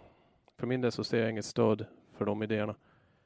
Det är dels på grund av egen erfarenhet. Jag bor i, i Brasilien som är landet med världens eh, största svarta befolkning efter Nigeria. Och eh, ett väldigt eh, rasligt uppblandat land. Eh, och sen om man tittar på ja, det som man, om man tittar på religiösa böcker, Bibeln och så vidare så finns det där ingenting som, som stöder rasistisk ideologi. Plus så, om man tror på evolutionen så är ju idén med evolutionen då att, att vi är de bästa av de bästa som har kommit fram genom generationerna. Och det gäller naturligtvis alla människor som lever idag.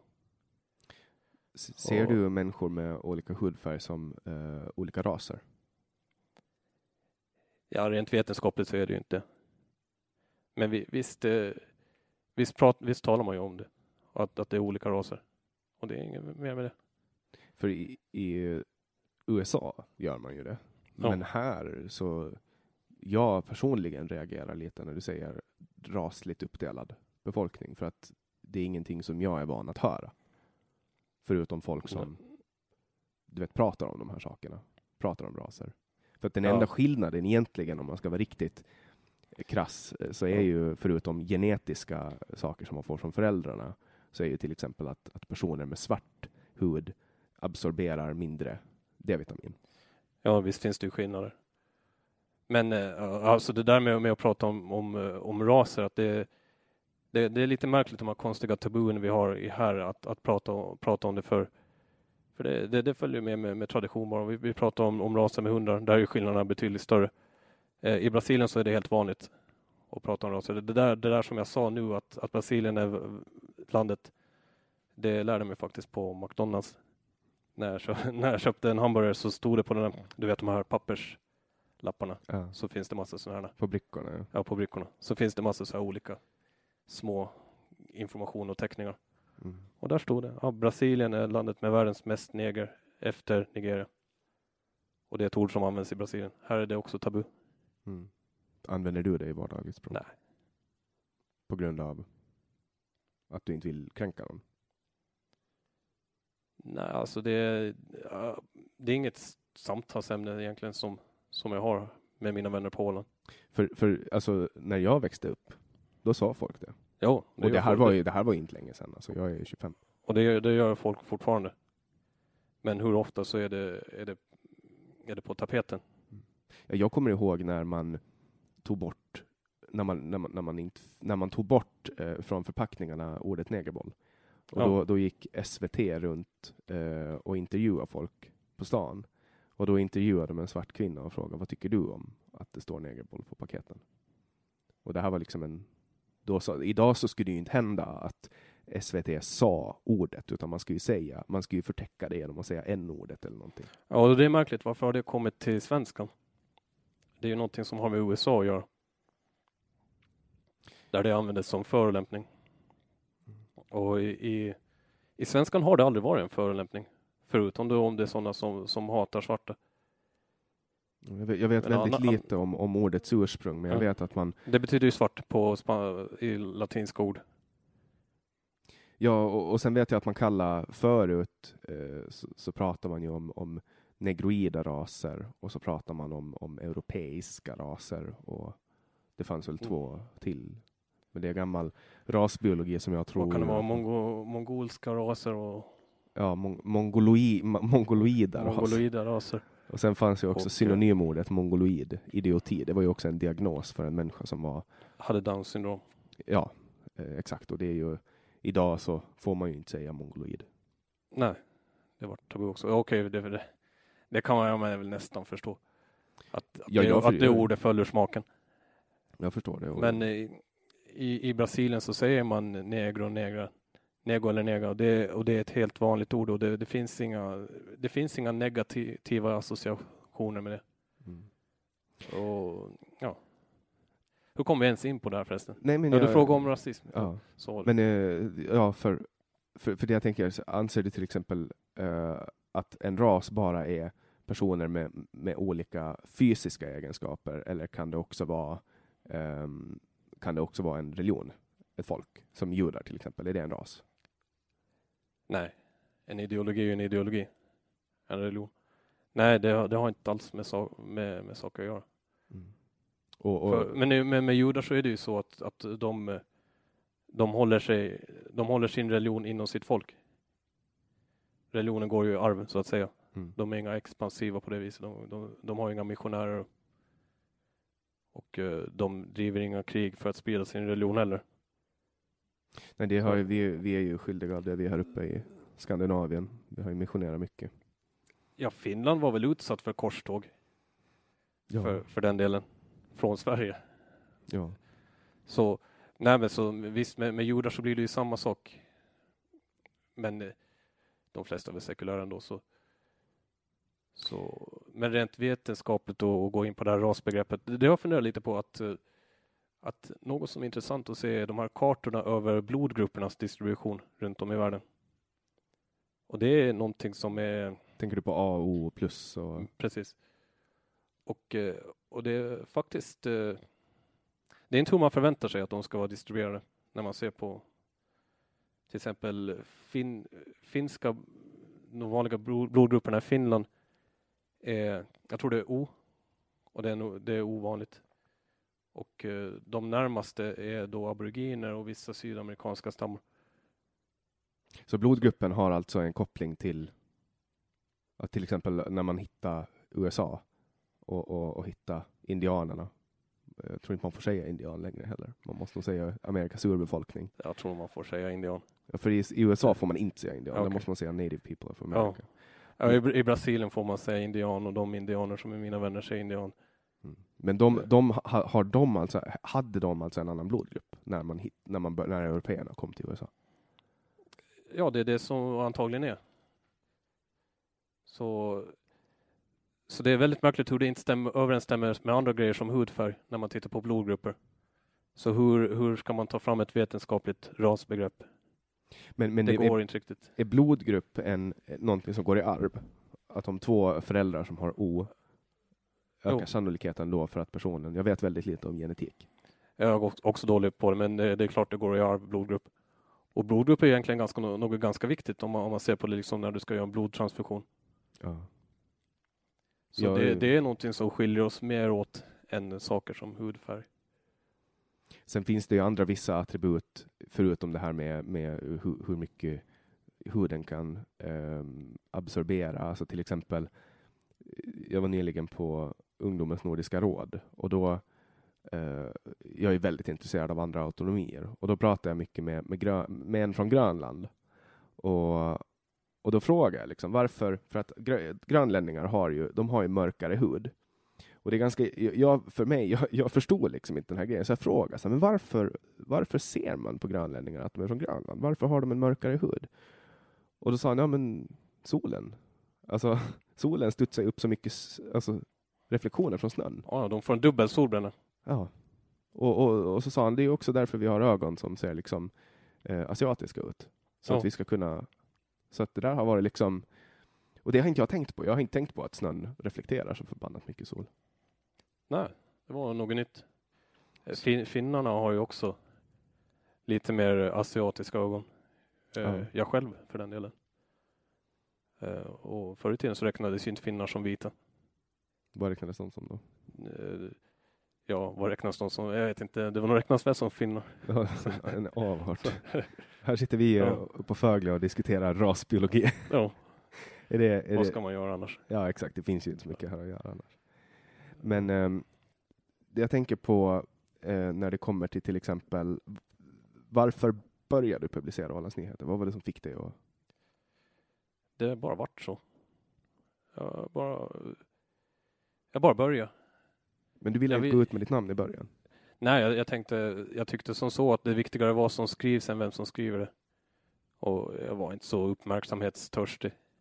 Är Egentligen inte fortfarande heller. Men sen Eh. gjorde då Ålands Radio ett avslöjande där man avslöjade att det var du som låg bakom det. Jo, Och blev du, blev du vad, hur kändes det när du såg ditt namn och din bild på Ålands Radio?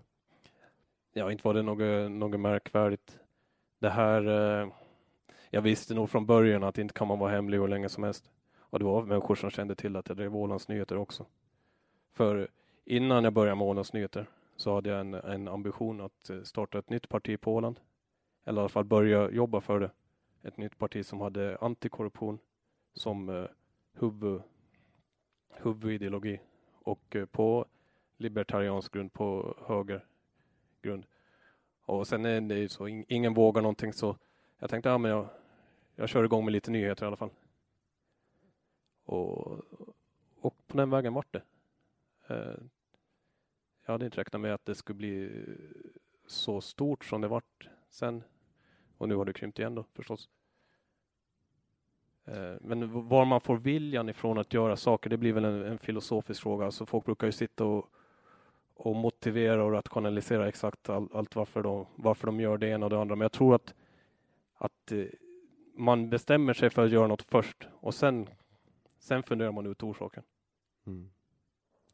Och är det meningen att Ålands Nyheter ska polarisera? Det, det är absolut inget eh, negativt med att polarisera. Ja, jag kan säga, jag kan säga att det, det jag tänker aldrig på att ändra någonting bara för att vara mindre polariserande. Uh, jag vet att du driver den här podden för att du säger att du vill ha mindre polarisering i samhället. Uh, men är det bra? Jag tror ju att, att det är viktigt att sitta ner och prata med varandra. Jag tycker ja. till exempel att, eh, att det är en viktig grej att folk får reda på vem du är, för att då kan de förstå. Mitt mål är ju att försöka förstå varför du gör det här och, ja. på det sättet också hjälpa andra att, att göra det. Ja, alltså jag tyckte att det saknades en, eh, en, eh, en annan infallsvinkel på nyheterna på Åland. Och jag märkte det att de här traditionella medierna, tidningarna, radion hade jag aldrig, aldrig lyssnat så mycket på, men jag märkte att tidningarna ganska, ganska skarpt på bara, på bara några månaders eller kanske ett par års tid så vände de sig mycket, mycket åt vänsterhållet i hur de rapporterade och det vart eh, det vart liksom som mer, mer som de här svenska traditionella medierna. Och eh, då, och då finns det ingen, ingen annan synvinkel på Åland som publiceras. Sen vad folk sitter och säger hemma eller i bastun och så vidare. Mm. Så. Har, du, har, du blivit kontaktad av någon som har blivit uthängd? Som vill att du ska ta bort det? Ja, det händer. Och det är folk som blir dömda då? Har du tagit bort en publicering någon gång? Nej. Jo, jag tog bort en, eh, en artikel som jag tyckte var för löjlig. Och det var, ja när var det? jag kanske för något år sedan. Så hade de en sån här skrikprotest, metoo skrikprotest i Mariehamn. Och den, den hausades upp i, i de andra medierna. Och jag tyckte det var så, så löjligt. Så jag skrev en artikel om det. Om, ja, i princip om hur dumt det var. Och sen, sen efter ett tag tänkte jag, äh, vad, vad gör den där artikeln för nytta? Så jag tog bort den. Och sen så var det folk som skrev, det var en av dina tidigare gäster som hade gått ut på Facebook och, och skrivit att, det, att, ja, att den här artikeln så hade det stått både det ena och det andra. Liksom det var, det var sådana eh, begrepp och ord som jag aldrig skulle använda, som hon skrev att det hade stått i artikeln. Så jag återpublicerade den bara för det. Mm. För att eh, ja, för att folk inte ska tro att det står massa som det inte står. Mm. Och sen, sen har jag gjort en, en ändring, att jag tar bort en bild ur, och, uh, ur en ur en artikel som handlar om en rättegång på en person som inte, inte var så, så relaterad. Mm. Just det. Sen, sen har du lagt ut fel bild någon gång också. Du skulle lägga ut en bild på en reporter och så råkade du lägga ut en bild på reporterns kompis istället. Är det så? Jo. Vad, då, då vet jag inte, då känner jag inte till det. Nej, vi kan, nej, vi kan ta, jag kan berätta efteråt. Ja. jag, jag tänkte, för nästa fråga var nämligen, har du någonsin eh, rätta en artikel? Jo, det händer hela tiden. Det händer hela tiden. Eh, och, och det så skriver man mycket så blir det misstag. Eh, ja, men ofta är det bara små detaljer som är rätta. Att, eh, att själva flowet i texten är dåligt och så råkar man läsa det no några, ett par månader senare och så, och så fixar man till lite. Är det någon rättelse av betydelse så, brukar, så, så står det också liksom i tillagt i artikeln längst upp rättelse. Och, så står det vad som är rättet. Och nu glömde jag nästa fråga. jag tycker att det här, jag har ju väntat på det här samtalet så länge. Det är ju, nu är det ju Ja, massa frågor som jag har. Liksom. Men, men en annan sak som jag reagerar på är att du skriver att i- att den regeringstrogna tidningen Ålandstidningen till Ja, exempel. Det Och, och det är ju väldigt roligt för mig som ändå är med i ett regeringsparti eh, som har varit regerat i fyra år. De är inte regeringstrogna. De är verkligen inte regeringstrogna. Skulle du säga det? Det är alltså, för där är liksom, du tappar åtminstone min trovärdighet i en sån artikel när du skriver regeringstrogna journalisten bla bla bla. För att de är inte regeringstrogna. De sätter ofta, när jag, när jag skriver regeringstrogen så menar jag att de, att de sätter eh, landskapsregeringen, den här avgående landskapsregeringens politiska ideologi framför sina journalistiska plikter. Och det, det, kan, det kan jag alltså ehm, konstatera att, att det, det är fan inte sant alltså. De tar inga order från, från regeringspartierna. Det, det kanske de inte gör. Men eh, traditionell media och etablerade, etablerade politiska partier lever i någon sorts symbiosförhållande. Där, det, där kanske politikerna anpassar, eller det gör de, de anpassar sin politik efter vad journalisterna har för, har för ja, ide- ideologi. alltså på, till viss del så, så anpassar Och i man sig. utbyte så kanske tidningarna och, och radion inte tar upp en del korruption. Den delen har jag svårt att, att tro. För att man, man är nog, men, men det stora problemet när det kommer till korruption, på Åland är att det finns inte tid och lönsamhet i grävande journalistik. Det är ju därför radion borde ägna sig uteslutande åt grävande journalistik och ingenting annat. Om de ska göra tycka. någon form av journalistik. Det kan man tycka. För jag, jag tycker ju, som du vet, att Ålands Radio borde läggas ner. Ja. ja jag säger inte emot det. Men du konkurrerar lite med radion. Eh, hur menar du då? Ni båda driv, har bloggar som ni driver trafik till. Ja, på det viset. Tidningarna har väl också bloggplattform under. Alltså, de Ny, låser... nyan går på Wordpress tror jag. Jo, men de, lå- ja, det tror jag inte, men de låser ju i alla fall sina artiklar. Eh, radion är öppen och du är nästan öppen. Alltså Ja. vissa artiklar. Ja, jag tror de flesta artiklarna av mina artiklar är låsta nu för tiden. Hur många prenumeranter har ni? Eh, det har du frågat redan. Ja, ja, men jag försöker få släppa. Man måste ju försöka lite sådana gamla journalistknep. Jo, jo, absolut. Ja, det, det är bra att du försöker. Mm. Har du ett finskt aktiebolag? Jag, jag har ett finskt aktiebolag som har, handlar om något helt annat. Är det dit pengarna går från Ålands Nyheter? Nej, de går till mig. Skattas de i Brasilien? Det är också av privat natur. Och du har inget, du har inget skalbolag någonstans på Skalbolag. Caymanöarna? Alltså så här är det. Jag bor i Brasilien och driver Ålands Nyheter från Brasilien. Eh, jag använder ingen, ingen sjukvård, ingenting på Åland. Eh, det är klart, jag kör på vägarna när jag är här och besöker. Jag tror att det går på bränsleskatten. Kan vara. Eh, jag, har, jag har inget samvetskval med mina skatter. Du har Och jag får inga bidrag. Men du har fått din utbildning betald. Du har växt upp här. Ja, jag har betalat en massa skatt också. Jag har ju drivit företag här. Nu försöker jag tax-shamea dig. Ja, jag är nog den sista du kan göra.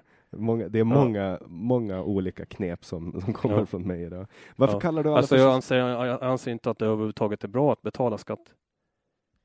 Nu, nu får du din, ditt scoop för kvällen. Mm. Eh, jag skriver mycket om skattebetalarnas pengar. Och det är för att, eh, för att eh, jag är emot det här högskattesystemet. Som vilken sensibel, men resonabel människa som helst är. Och det är det, det systemet som är grunden till de flesta av våra problem i samhället. Är att folk måste betala så jäkla mycket pengar i skatt. Men du anser att skatt är stöld? Ja, absolut. För att när, när den, det vokabulärer du använder, det är liksom jag tänker på Francesco Danconias money speech i Atlas Shrugged där han pratar om loot, mo, moochers and looters. Alltså plundrare och klå, klåfingriga och plu- plundrare och, och av missunnsamma människor. Eh, Jag har inte läst boken eller sett filmen. Eh, Jag har hört om boken. För det, det, det låter ju som att det, det är lite anarkokapitalistiskt tänk över det hela. Libertarianskt. Jag, jag har sånt tänk om skatter och att eh, när, när det som folk tror att skatter ska gå till är ju sådana här absolut nödvändiga grejer. Och det är egentligen så det borde vara. Så är det ju inte. Det är långt ifrån. Men eh, man kan resonera som så om skatter att för att se om en skatt är rättfärdigad eller om en utgift är rättfärdigad så kan du tänka att om någon rusar in och sa nu måste du hjälpa till. Ta till exempel med brandkår.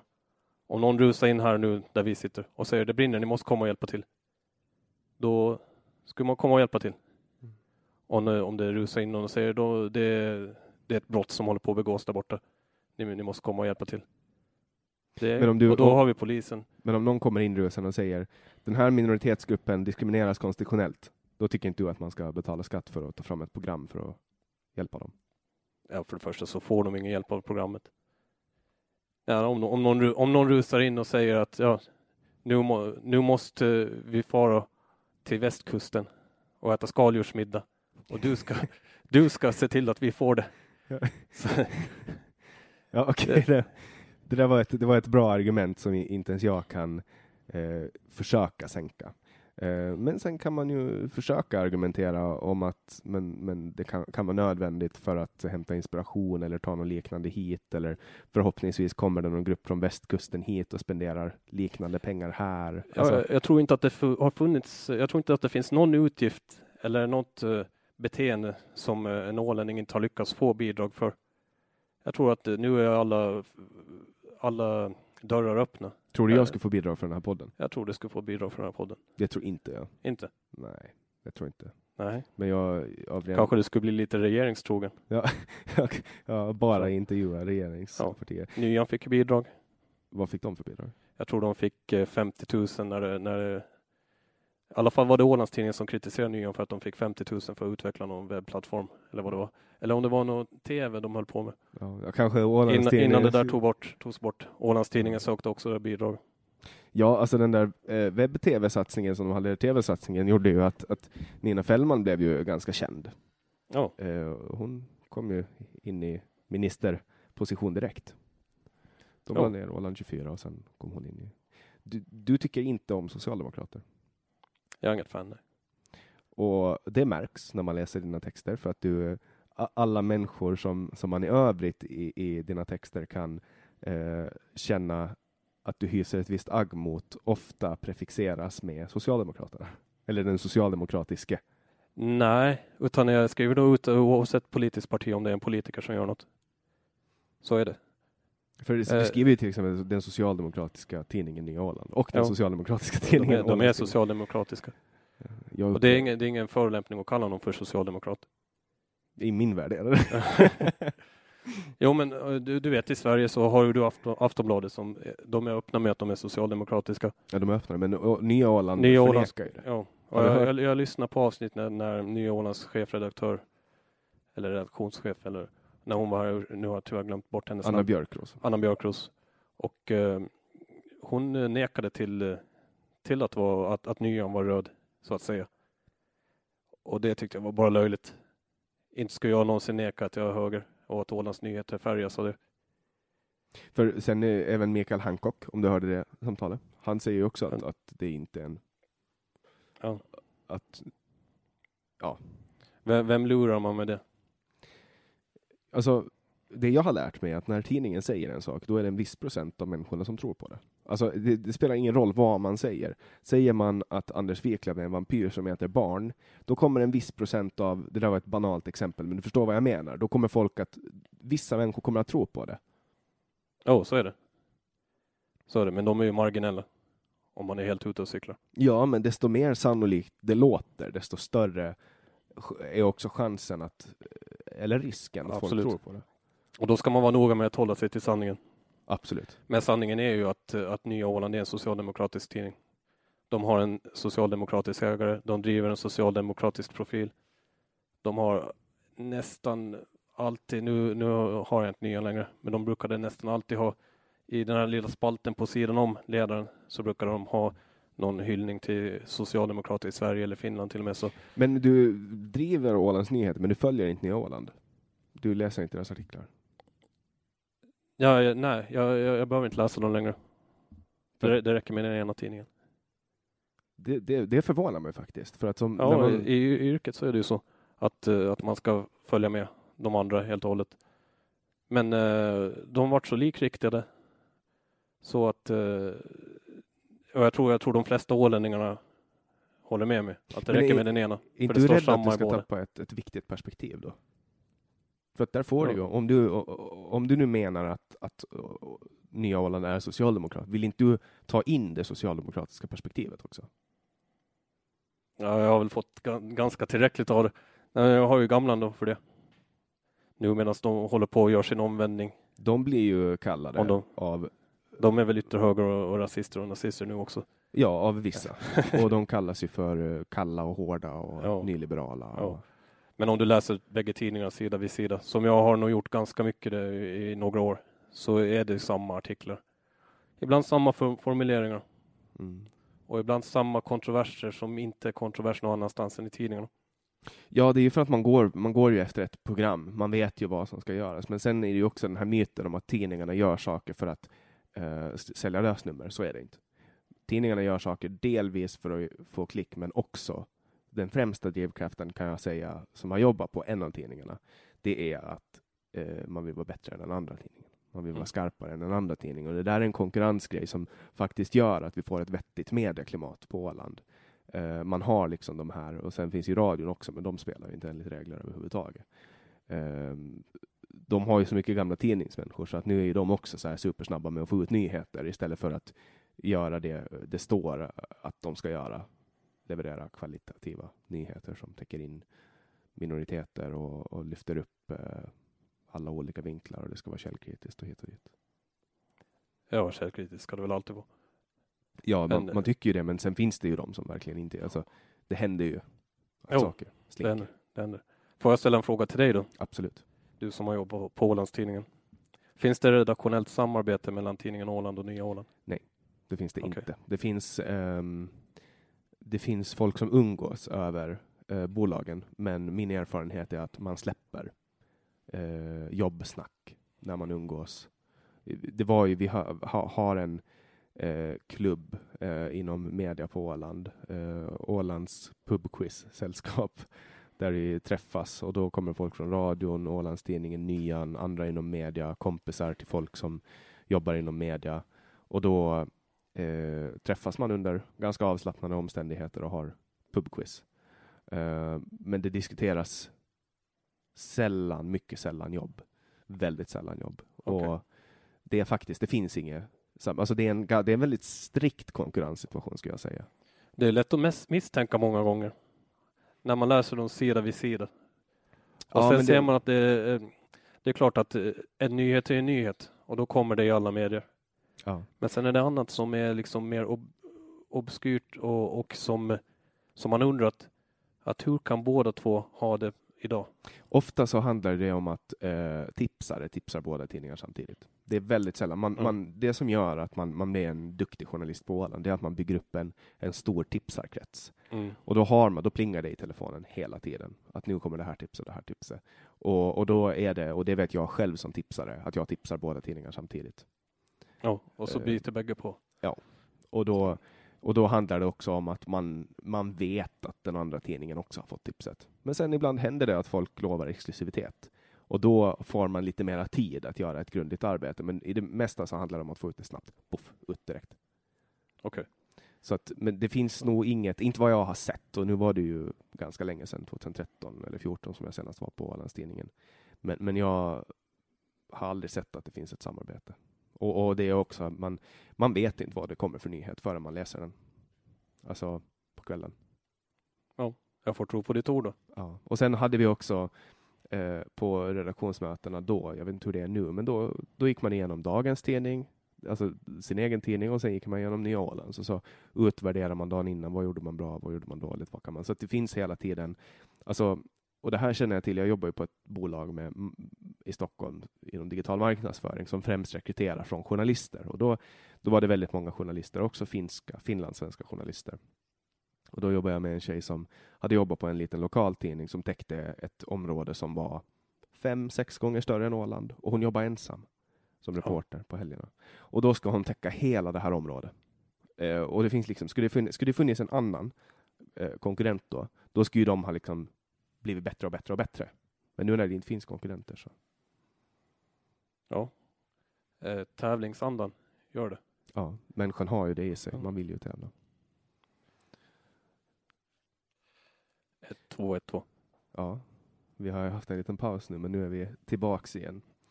Och eh, vi har ju pratat om lite allt möjligt och, och, den stora godbiten för de som lyssnar och de som är nyfikna tror jag är det här med, med Ålands Nyheter. Men eh, många som jag upplever som läser Ålands Nyheter gör det för att de är nyfikna på folk som blir uthängda med namn och bild. Man vill veta vem som är dömd. Så är det. Men man kan inte begära ut domarna utan att det på något sätt registreras. Det var väl så du blev påkommen, så att säga.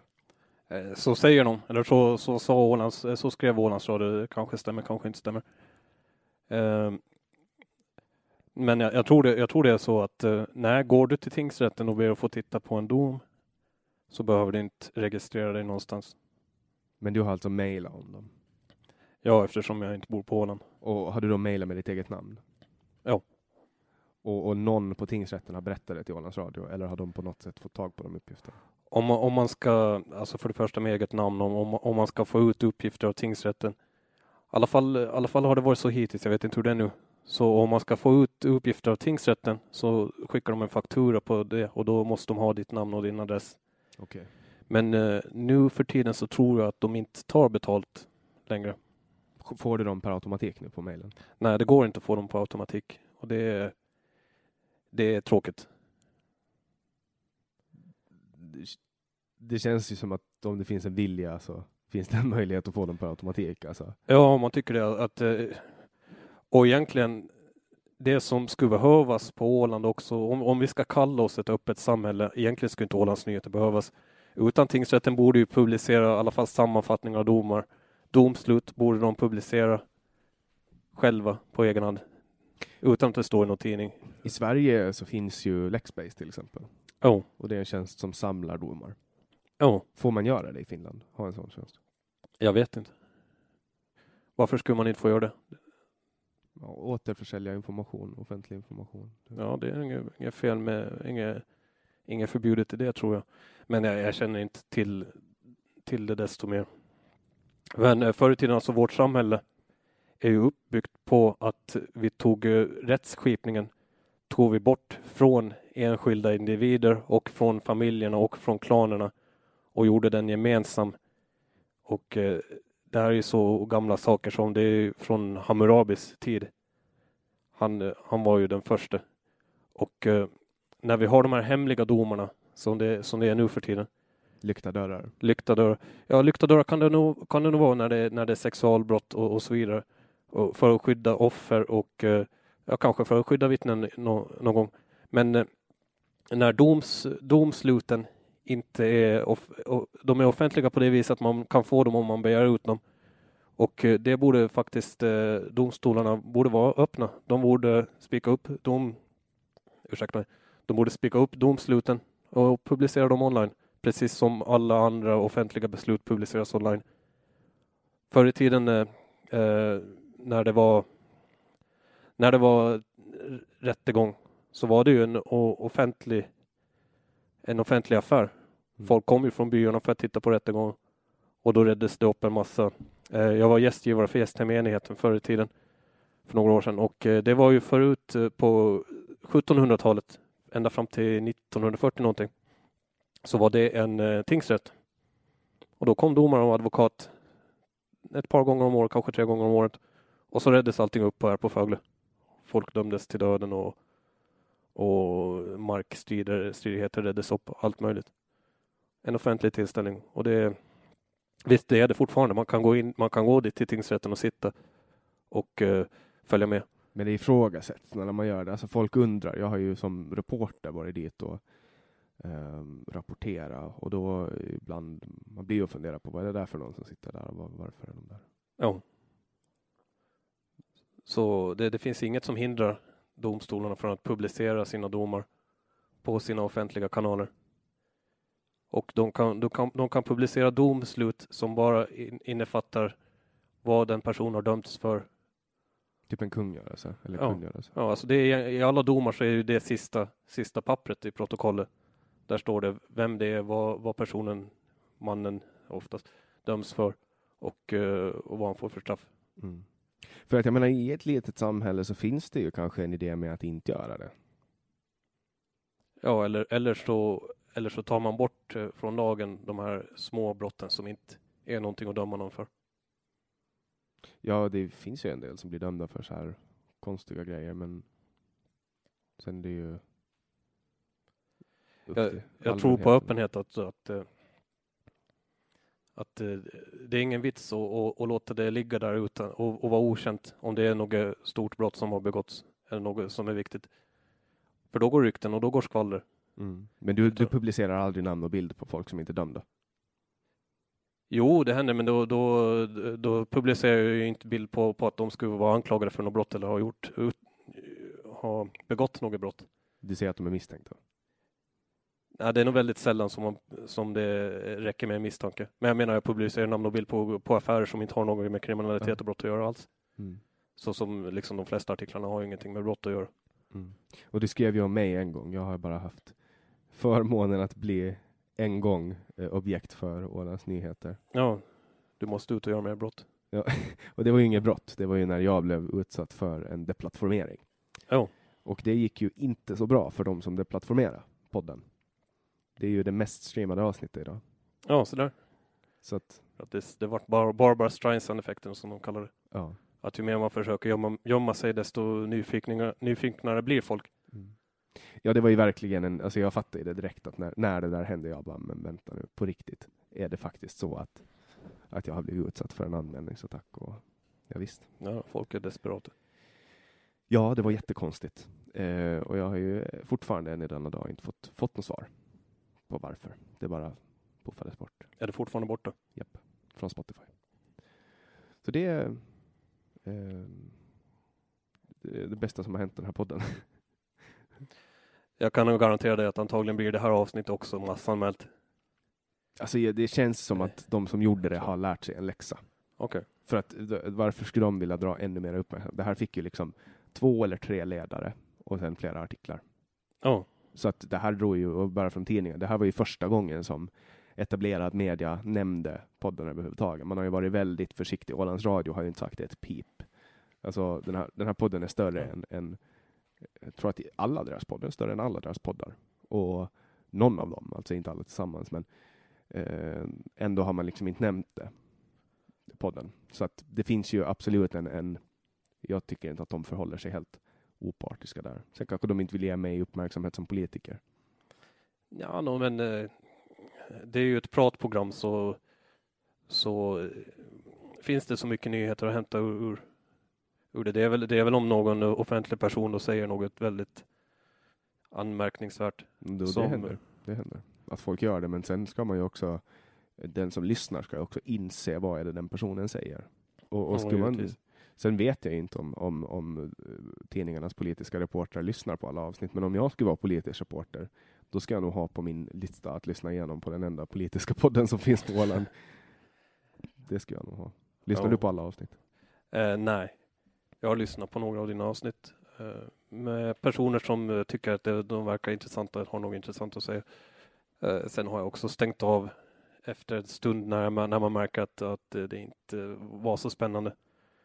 Så eh, tack ska ni ha alla som är kvar här fortfarande. Jag tror att det är ganska många. det är, folk underskattar, gäster underskattar ofta hur, hur länge folk hänger på. Ja, det kan vara så. Det, Det- Eh, nu kommer vi av oss lite grann. Eh, jo, och med det här med offentlighet, mm, för, att, för att gå tillbaks lite i ämnen, om du, om du ursäktar mig. absolut. Det, det Eh, och det, det, är inte bara, det är inte bara domstolarna också, utan överhuvudtaget den här eh, genomskinligheten, transparency, vad man nu kallar det, är väldigt dålig på Åland. Det, det är klart, det går att få tag på offentliga dokument, men de, de borde mycket, mycket mer genomgående publiceras för, för allmänheten. Alltså regeringen publicerar ju alla enskilda föredragningar. Jo, de pu- publicerar de enskilda föredragningarna. Men det är i beslutslistorna som mycket av det intressanta finns.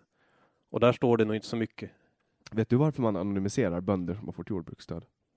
Det är för att de är privatpersoner. Alltså Okej. jord, jordbruk är- oftast ett, ett bolag, men det, det, är som, det är något så här specialbolag som är så pass tätt knu, knutet till privatpersoner. Jordbruk tror jag det kallas bara. Det är bara Ja. ett jordbruk. Ja. Det är inte Så. som bolagsform, det är bara man är en privatperson som har ett jordbruk. Mm. Men eh, alltså det är klart, det går, det går om, man nu, om man nu verkligen vill så går det att ta reda på. För vem du det skriver ju, vem du det skriver ju anonym bonde fick Ja. 50 000 i bidraget. Ja. Jo, för, för att eh, det är, det är kanske inte så spännande att ta reda på vem, vem det är. Men det, framkom, det framkommer äh, inte i enskilda föredrag? Man måste, man måste kontakta landskapsregeringen och begära ut mera, mera dokument Okej. för att få veta det. Eh, men det finns, ju, det finns ju också de här listorna som offentliggörs en gång per år med hur mycket bidrag som de olika åländska bönderna har fått. Och det har jag ju publicerat. Mm. Och där kan du se vilken, och det, det kan vara stora summor. I Mariehamn finns det tydligen några sorts jordbruk, ganska många jordbruk. Jag vet inte, jag har aldrig sett dem. Men det kan ju vara ut mot uh, Gärsö. Ja. kan vara Möck, nej Möcke det är ju inte. Nej men det, det, det- känns väl enda stället för jordbruk. Och sen är det, sen är det ju inte landskapsregeringens ansvar bara heller att publicera de här bidragsgrejerna. Eh, eh, det som, eh, det som eh, jag tycker är märkligt är att eh, alla de här åländska företagen som går på bidrag, och det är många och de får mycket pengar. Och, och många gånger kan det vara dåligt investerade pengar. Men varför inte de öppna med det? Varför vill de gömma undan det? Fram tills eh, Eh, nej, nog skrev de andra tidningarna också en del om bidrag tidigare. Men eh, varför skriver inte företagen själva om det? Om de är stolta över det de gör. Det är väl, det är väl kanske lite pinsamt att inte, Ja. att inte själv, själv dra in det kapital som... Jag, sku, jag skulle tycka att det var kanske lite jobbigt om jag eh, drev en affärsverksamhet och, och sen skulle jag ta emot massa, massa pengar för att ta in nu tar jag emot EU-bidrag i den mån att jag är delaktig i ett projekt som heter Business Lab. Ja. eh, där jag får mitt bolag får ta del av, av gemensamma lokaler och jag får liksom coaching och sånt. Ehm, Ska du inte ha en liten EU-logga på din hemsida då? ja, som deltagare behöver jag nog inte ha det. Okej. Men det är Europeiska regionala utvecklingsfonden och Europeiska socialfonden som, Ja. som, som håller i det här. Och det, är, alltså, det, är, det, är, en positiv grej för Åland, eh, tror jag. Jag har varit med i två omgångar. Ja. Och, och på, på ett sätt så är det bra. Men Åland är också ganska litet för det. Men, men det, är stort, det finns ett väldigt stort värde i att ha en plats. Och det är ju främst kontoret som jag är, uppskattar. För att då har man en plats där man kan vara. Och så får Ja. man sitta i ett år och träffa Ja. andra. Liksom. Så nu får du ett, ett kontor så du kan, får sitta i, i ett år och, och, och, och så. Eh, andra kanske får en miljon euro eller, eller 300 000. Mm. Eh, men om det är en positiv grej med de här bidragen, varför är, varför är företagen så dåliga på att kommunicera om dem? Varför kommer det inte på deras eh, hemsidor eller, eller var som helst att tusen tack för de här pengarna. Nu ska vi satsa på det här och det här. Mm. Och det är faktiskt en, en, en valid point att man, man kanske borde, och det läste jag nu på vägen ut hit så köpte jag en sån tre dagars testprenumeration för att kunna läsa in mig lite på Ålands Nyheter. Och då läste jag en artikel som de har skrivit om de åländska bidragen, eller åländska partiernas bidrag, att inget parti har gått ut och tacka för Nej. pengarna. Och det är faktiskt, där får jag ge dig rätt. Jag har mycket som jag vill argumentera emot det, men där vill jag ge dig rätt. För att det är faktiskt, man borde faktiskt göra det. Så, och, och på mina vägnar och mitt partis vägnar, Liberalerna, så vill jag tacka det holländska folket för att man betalar skatt och nu ser till att, att partierna får lite kanslistöd. Nu sitter de och vrålar, varsågod. Ja, jag hoppas det. Jag hoppas att det Ja, över till, och, till och med partierna som eh, så borde vara borde vara bättre på det. För det där, det är, och också med, med de här företagens bidrag som man säger att det är för, ofta så är det för investeringar. Och eh, problemet med det är att, eh, att eh, skattebetalarna får aldrig tillbaka någonting för det. Ja, företaget fortsätter att gå runt. Kanske de hade gått i konkurs annars om någon bättre hade tagit över.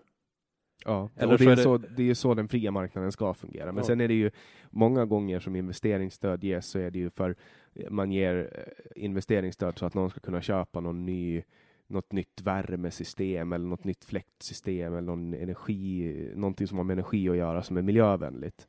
eh, som är dyrare. Så att man kan ta eh, ett mer miljö och klimatvänligt alternativ än ta det dyra, billiga smutsiga. Men det är nog väldigt sällan som det är någon miljömotivering i.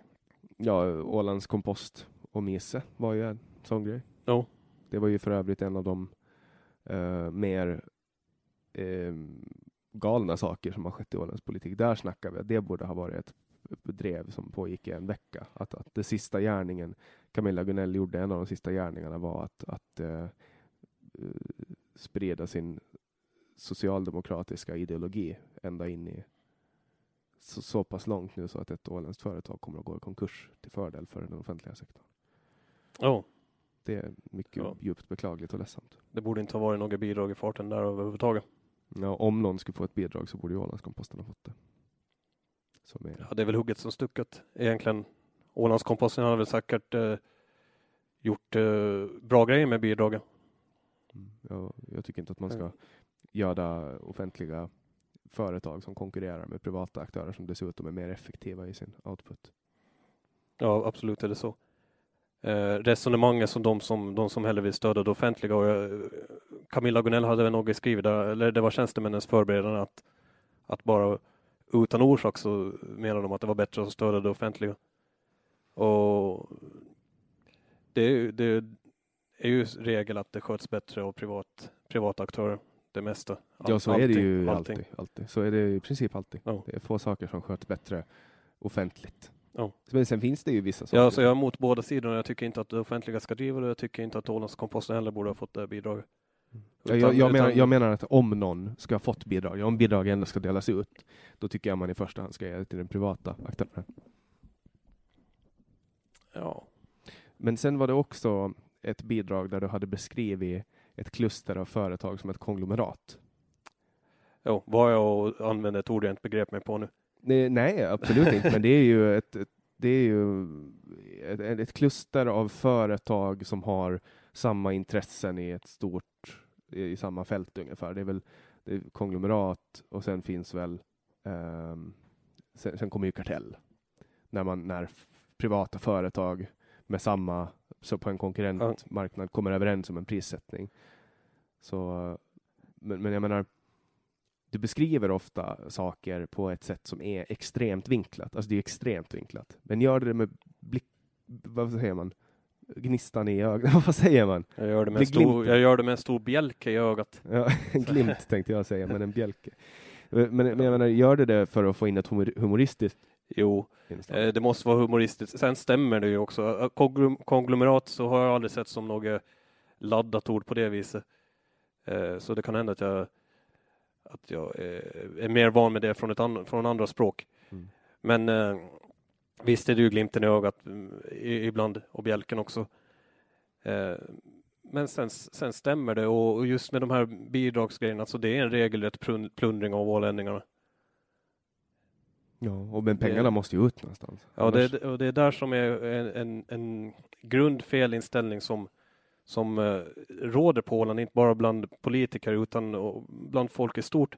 Att man tänker så här att, att politik det går ut på att här får vi en klump pengar och nu ska den delas ut så att alla blir nöjda. Mm. vi har att, ingen möjlighet att styra skatteöret. Det har vi. Ja, i kommunerna men. Ja, vi har det också på landskapsnivå. Det är bara att ge skatteavdrag. Det. Ja, jo, det är skatteavdrag ja. kan man ge, men vi kan och, liksom inte styra skatteöret. Nej, men man kan ge skatteavdragen så man kan ge pengarna tillbaks till folket där pengarna hör hemma. Och det har man ju gjort. Eh, Mats Perama har ju infört eh, 100 euro. Ja, men det är mycket. Alltså, det är sist och slutligen, alltså kollar du på den totala säcken pengar så är det väldigt, väldigt mycket pengar. Ja, 100 euro per år per person. Det, det är betydligt mindre än vad de betalar i skatt. Jo, men det är fortfarande, det är fortfarande en lättnad. Det är ju, det är ju någonting. Det visar ju på en politisk vilja. Alltså, att man gör det. Sen också att man gör det i en, socialdemokra en regering där det finns socialdemokrater med och får igenom det visar ju också att, eh, att den är ju inte så socialdemokratisk som många vill få det att framstå, som Sjögren 1 har varit, alltså regeringen Sjögren 1. Ja, jag tycker det är en så löjligt låg summa att, eh, att eh, det kostar väl mer pengar att, de, att lagtinget diskuterar det där i plenum än vad, än vad ålänningarna kommer få av det. Lagtinget sammanträder ju ändå. Ja, visst gör det. Så att, så jag, jag, tycker att det visar på en vilja i alla fall. Och för mig så handlar mycket av den åländska politiken om vart man är på väg. Så här, vilken mål har man? Har man planekonomi i mål eller har man anarko, eh, anarki i mål? Alltså, och, och jag, sen tror inte jag att vi kommer aldrig att nå målet. Vi kommer inte att nå en bit, eh, att, en avsevärt stor bit. Men, men vart, vilket samhälle vill man se? Jag tror, jag tror att planekonomi är målet, eh, i alla fall för den här avgående regeringen och, eh, och eh, din egen partiledare Katrin Sjögren har, har varit, i alla fall enligt de beslut som jag har läst, så har det nog varit väldigt mycket åt det hållet hon har skrivit. Och om man använder det här med, med klimat och hållbar utveckling som svepskäl för planekonomi, som om det skulle vara bättre för miljön. Alltså, Katrin Sjögren är ju i mångt och mycket en, en mittenpolitiker. Men jag tycker inte att hon har en specifik vänsterlutning. Sen kan man ur en, ur en uh, mittenpolitiker alltid läsa ut att det finns både högerpolitik och vänsterpolitik. Så jag tror att vänstermänniskorna ser högerpolitik och sen eh, och högermänniskorna ser vänsterpolitik. Så är det, men eh, när hon skrev nu i, i, sitt, i sitt beslut att landskapsregeringen ska både påverka vilket utbud som företagen på Åland får ge och vilka, vilka produkter som ålänningarna ska vilja konsumera så då det, det kan inte riktigt bli mer planekonomiskt än så. Jag tror att det mer handlar om uppmuntran, för, för jag har aldrig mm. någonsin hört Katrin säga någonting som skulle vara emot marknadsekonomi och jag har aldrig sett mm. henne på något sätt agera mot det och mm. för den delen inte för planekonomi, för då kan jag berätta för dig att då skulle jag lämna Liberalerna. Ja. att om, om det skulle komma planekonomiska tankar. Läs hennes beslut då. Jag har inte läst alla, det måste jag ju erkänna, men sen, sen får man ju också komma ihåg att väldigt mycket som kommer eh, till en minister är förberett på förvaltningen och eh, man följer ja. ju en gemensam, ett gemensamt regeringsprogram. Men man ska vara noga med vad man sätter sitt eget namn under också. Ja. För det, det är det som räknas i slutändan, när man är, när man är beslutsfattare. Mm. Men sen har ju landskapet har ett högt mål när det kommer klimat, till klimat eh, och miljöfrågor, eller miljö. Eh, och det är ju hållbarhet, det är väl samlingsordet, och det, då är det ju då måste man ju, man måste ju agera i enlighet med regeringsprogrammet när man sitter som regering, annars tappar man ju per definition sitt förtroende och då åker man ju ut. Så att eh, det var ju en majoritet som godkände den här regeringen och, och därav fanns politiskt stöd. Men sen började, började det vackla på slutet och nu kommer det en annan regering. Oh. Och sen får vi ju se hur länge folk är nöjda med det. det. Ja, det ska bli intressant att se. Eller ska det bli det? Jag vet inte. Eh, jag hade ingen valfeber riktigt och har det väl fortfarande inte. Vad hade du tippat på utfallet då? Eh, jag brukar inte vilja spekulera. Jag, jag, jag, hade, jag, jag skulle tippa på att någon gång i framtiden så kanske Liberalerna och Moderaterna går ihop till ett parti. Ja, det... Och hade de gjort det nu, nu efter valet eller i den vevan så hade de blivit lika stora som Centern har haft mm. lika mycket att säga till om. Det, det, är inte ovanligt att det sker rockader på det viset inom åländsk politik. Nej, det hände ju med obundna. Man trodde ju att obundna ja. skulle gå under, men ack så fel man hade. Ja, de kom tillbaka starkt. Eh, men för att återgå lite till det här med skatter.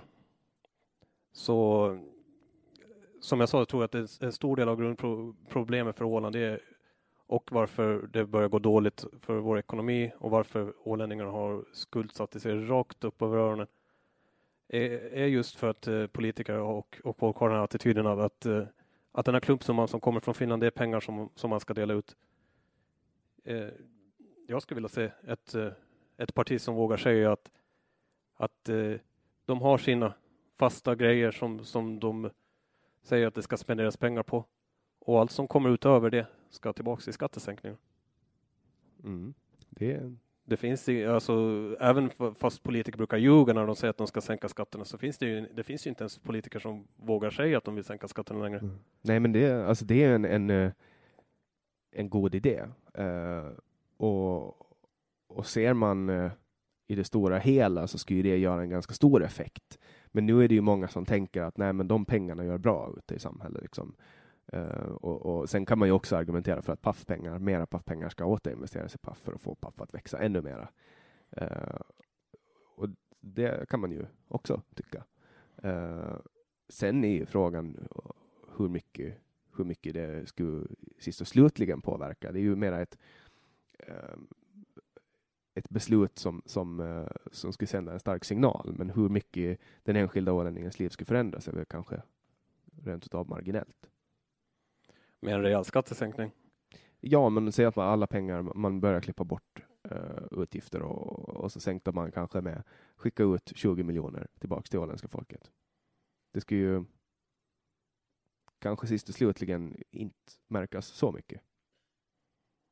Ja, jag tror nog alltså, alltså de här, den offentliga spenderingen är, har en dubbelt negativ effekt. För, för det första så när, när offentlig sektor konkurrerar med, med det privata näringslivet så försvinner det arbetsplatser från det privata näringslivet och sen spenderar ju offentlig sektor i det privata näringslivet så sned, snedvrider där också. Det, det, påverkar det privata näringslivet på det viset att eh, de företagen som, som eh, bäst vet att verka mot offentlig sektor eh, har bra mycket att tjäna på det. Istället för att verka mot konsumenterna. Vad tycker du om uh, skatteplanering? Det är bra. Ju mindre man skatt man betalar desto bättre. Och, och det är för att du... Jag är emot skatt. Jag vågar säga det. Mm. Ja, det är många som inte skulle våga säga det. Nej. Inklusive undertecknad. Ja. Har väl vissa svårigheter att, att ge uttryck för det. Men, men det har ju främst att göra med mina grundvärderingar. Nu, nu får man ju som åländsk politiker eh, anpassa sig väldigt mycket till den situation man är i. Det är ju inte så att jag vill rasa samhället, men, men i grund och botten så tycker jag att väldigt mycket av skatterna används på fel sätt. För att jag tycker att privata marknaden ska sköta så mycket som möjligt. Ja, samhället är ju, är ju den åländska befolkningen. Det är inte staten eller landskapsregeringen eller, eller skatterna. Och Eh, nu bor jag i Brasilien som är, som är en republik och, och alla de här amerikanska länderna har ju republikanska värderingar som, som de har byggts, byggts på till skillnad från här i Norden då där vi, vi har ingen stark demokratisk tradition på det viset utan vi kommer från monarkier där det, där det har suttit så och, och bestämts och så har folk att lyda bara. Så, så nu, nu har vi en demokrati men men vi har ett helt annat perspektiv på den. Vi tänker att, att det betyder att vi gemensamt ska spendera istället för att uh, istället för att låta det, det, det, offentliga mer ha att göra med, med saker som inte är peng, pengafrågor. Man kallar ju det här för en västerländsk li, liberal eh, demokrati. Oh. Det vi har. Tycker du att vi har det? Ja, om den är liberal eller inte västerländsk är den väl och, och, och demokrati har vi ju vad jag vet. Tror, tror jag väl det. Ja, det är, det är väl det, väldigt många som skulle påstå att det är en demokratur. Ja, hur definierar du det ordet? Det är väl Wilhelm Mobergs eh, definition av det. Jag ska se om jag, jag ska googla upp den snabbt. Om det håller låda i några sekunder så Jaha, ska jag hålla låda? Ja. ja ska jag berätta sjung en, skämt, sjung en sång eller, eller historia?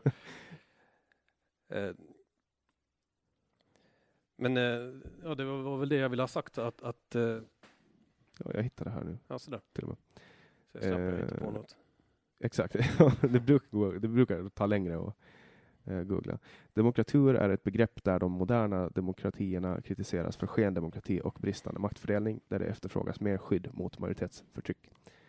Uh, och det kommer då från en text som Vilhelm Moberg har skrivit. Där det står i en demokrati råder allmänna och fria val. Åsiktsfrihet råder formellt, men poli poli politikern, eller tror det polit politiken och massmedia domineras av ett etablissemang som anser att bara vissa meningsyttringar ska släppas fram. Konsekvensen blir att medborgarna lever i en föreställning att de förmedlas en objektiv och allsidig bild av verkligheten. Åsiktsförtrycket är väldolt, den fria debatten stryps. Och sen finns det också eh, ytterligare förlängning av, av det där. Um, dock, dock, ska tilläggas att det definitionen för demokratur finns med det faktum att majoriteten, att människorna i detta samhällstillstånd själva inte uppfattar att de lever i en demokratur. Och, och det här är väl alltså för den lite konspiratoriskt lagda en ganska slående grej. För jag ser ju att det finns ett politiskt etablissemang och att jag är en del av det. Ja, alltså den där definitionen, visst, eh, jag kan förstå att det är många som har det perspektivet, men jag tror man måste bara slå sig ur det och, och, och, och se på saker ur ett högre, pers, högre perspektiv helt enkelt. Eh, det här med vad folk säger, eller vad, vad man kan tänka att, att folk tycker det ena och det andra och, och, det, och det, finns, det finns eh, konformitet kallar vi det, alltså, som är väldigt stark här i Norden, i synnerhet Sverige också på Åland. Att uh, man, man, ska låtsas vara perfekt och, och så vidare. Alla, alla, ska hålla med varandra och sånt. Alla ska liksom bli ja. en del, man ska forma sig. Ja, det, det, är en del av altruismen. Ja, det, och det är så barnsligt. Det, för jag tror det är folk själva som, som tror att de ska få sparken för jobb eller vad som helst för att de säger någonting som, som rör upp eller, eller och det är så här korruption byggs. När, när folk själva håller, håller undan sanningen, självcensurerar sig. Och, och det, det bygger på varandra. Man, man håller tyst om en sak som är fel för att det kanske är ens släkting som gör det. Och eh, då märker den personen att de kan fortsätta. Sen är det någon annan som kanske märker av det och tänker att ja, men då måste jag också göra det. Mm. Då måste jag också fiffla på det där sättet. Ja, nepotism som går vidare. Ja. Och sen bara helt enkelt att folk ser, folk ser hur andra gör och märker att man får inte kritisera det. Ja, men då kan jag också göra det. Mm. Ja, det, är väl så, det är väl så polariseringen uppstår från första början. Eller det här eh, samhällsklimatet, diskussionsklimatet debattklimatet som vissa kallar det. Ja, det är också det. det eh, men med debattklimatet så, så jag vet inte, alltså de som klagar mest på hur dåligt debattklimatet är, är oftast de som är värst själva. Mm. Ja, men så är det ju när du pekar, när du pekar på någon så är det ju tre fingrar som pekar tillbaks på dig själv. Ja, så är det. Så, eh, just det här med, med, med korruptionen så, så vi, vi måste få bukt med det på Åland för det, det har genomsyrat samhället så mycket och, och folk tror, kanske någon tänker så här att, att det ska vara en person eller ett litet gäng personer, ja, kanske en landskapsregering eller något sånt. Att det är de som är ansvariga, bara, bara vi får bort dem. Mm. Eller sätter dit den och den. Då blir vi av med den här korruptionen. Men det, det, det, det, går ner som, som ett träd, eller inte som ett träd, men, men som en svamp. Och, och många människor in, blir involverade i det. Och eh, det är klart, de som är längst ner kanske tjänar en 500 Kanske fifflar lite grann. Bara för, men då, man måste begripa att, att, säga nej till sånt. Och, eh, och inte falla för frestelsen. För sen, när du väl har tagit emot smutsiga pengar på något vis, eller gjort något som, är, som du vet inte var riktigt hederligt, då är det nog svårt sen att börja avslöja andra. Eh, Brasilien har haft eh, stora problem med korruption. Och de fick till sist, eh, inte till sist för de har fortfarande stora problem, men de har haft, jag vet inte om det har varit upp nu mycket här, men de har haft sin biltvättsoperation kallar de det. Där de, de fängslar president, avsatt president, talman. Och det var inom alla partier som det var korruption. Och det var inom näringslivet. Och eh, det stals pengar hej Det var därför det hette biltvätten, för de for till en biltvätt och, och bytte ut säckar med, med pengar med varandra. Och det som, det som åklagaren då gjorde var, var att de tog fast de här affärsmännen som hade gett mutor till politiker. Och så dömde de dem. Och sen, så, sen sa domaren, här, det här är ditt straff. Nå, vad det nu var, flera år i fängelse. Tio år i fängelse kanske, något sånt. Om du säger vem, det var, vem som var politikern så reducerar vi straffet. Jag tror det är det vi skulle behöva hitta hit eh, till vårt rättssystem också. Är du inte rädd att det skulle kunna miss, utnyttjas på, på fel sätt? Nej, jag tror inte. Eh, alltså det här är vanligt i, i USA också till exempel. Mm. Att mindre fiskar får gå, eller får, får lindring. Och de hjälp, hjälper till att sätta För mycket korruption så går det inte att bevisa. Mycket av nepotismen sker ju bakom lyckta dörrar, så att säga. Så är det. Så det är, all korruption går inte att bevisa. Men, det, men du upplever dig själv som en demokratikämpe? Det är min tolkning. Ja, det vet jag inte. Är du ett internettroll? Ett internettroll? Nej, jag är någon människa. Så du tycker inte om att trolla på internet? Då? Nej. Tro... Nej, jag, jag, jag gillar ju förstås att skriva, skriva något roligt emellanåt. Och visst, då, då skulle man det är klart att jag också skulle kunna skriva Ålands, Ålands Nyheter på så här tråkigt, tråkigt dagstidningsspråk. Har du ett horn i sidan till islam? Jag håller på att läsa Koranen nu faktiskt. Jag läste den förra våren. Ja. Tycker att det är en extremt tråkig bok. Den är i samma klass som Bibeln, bara det att den är svårare att förstå.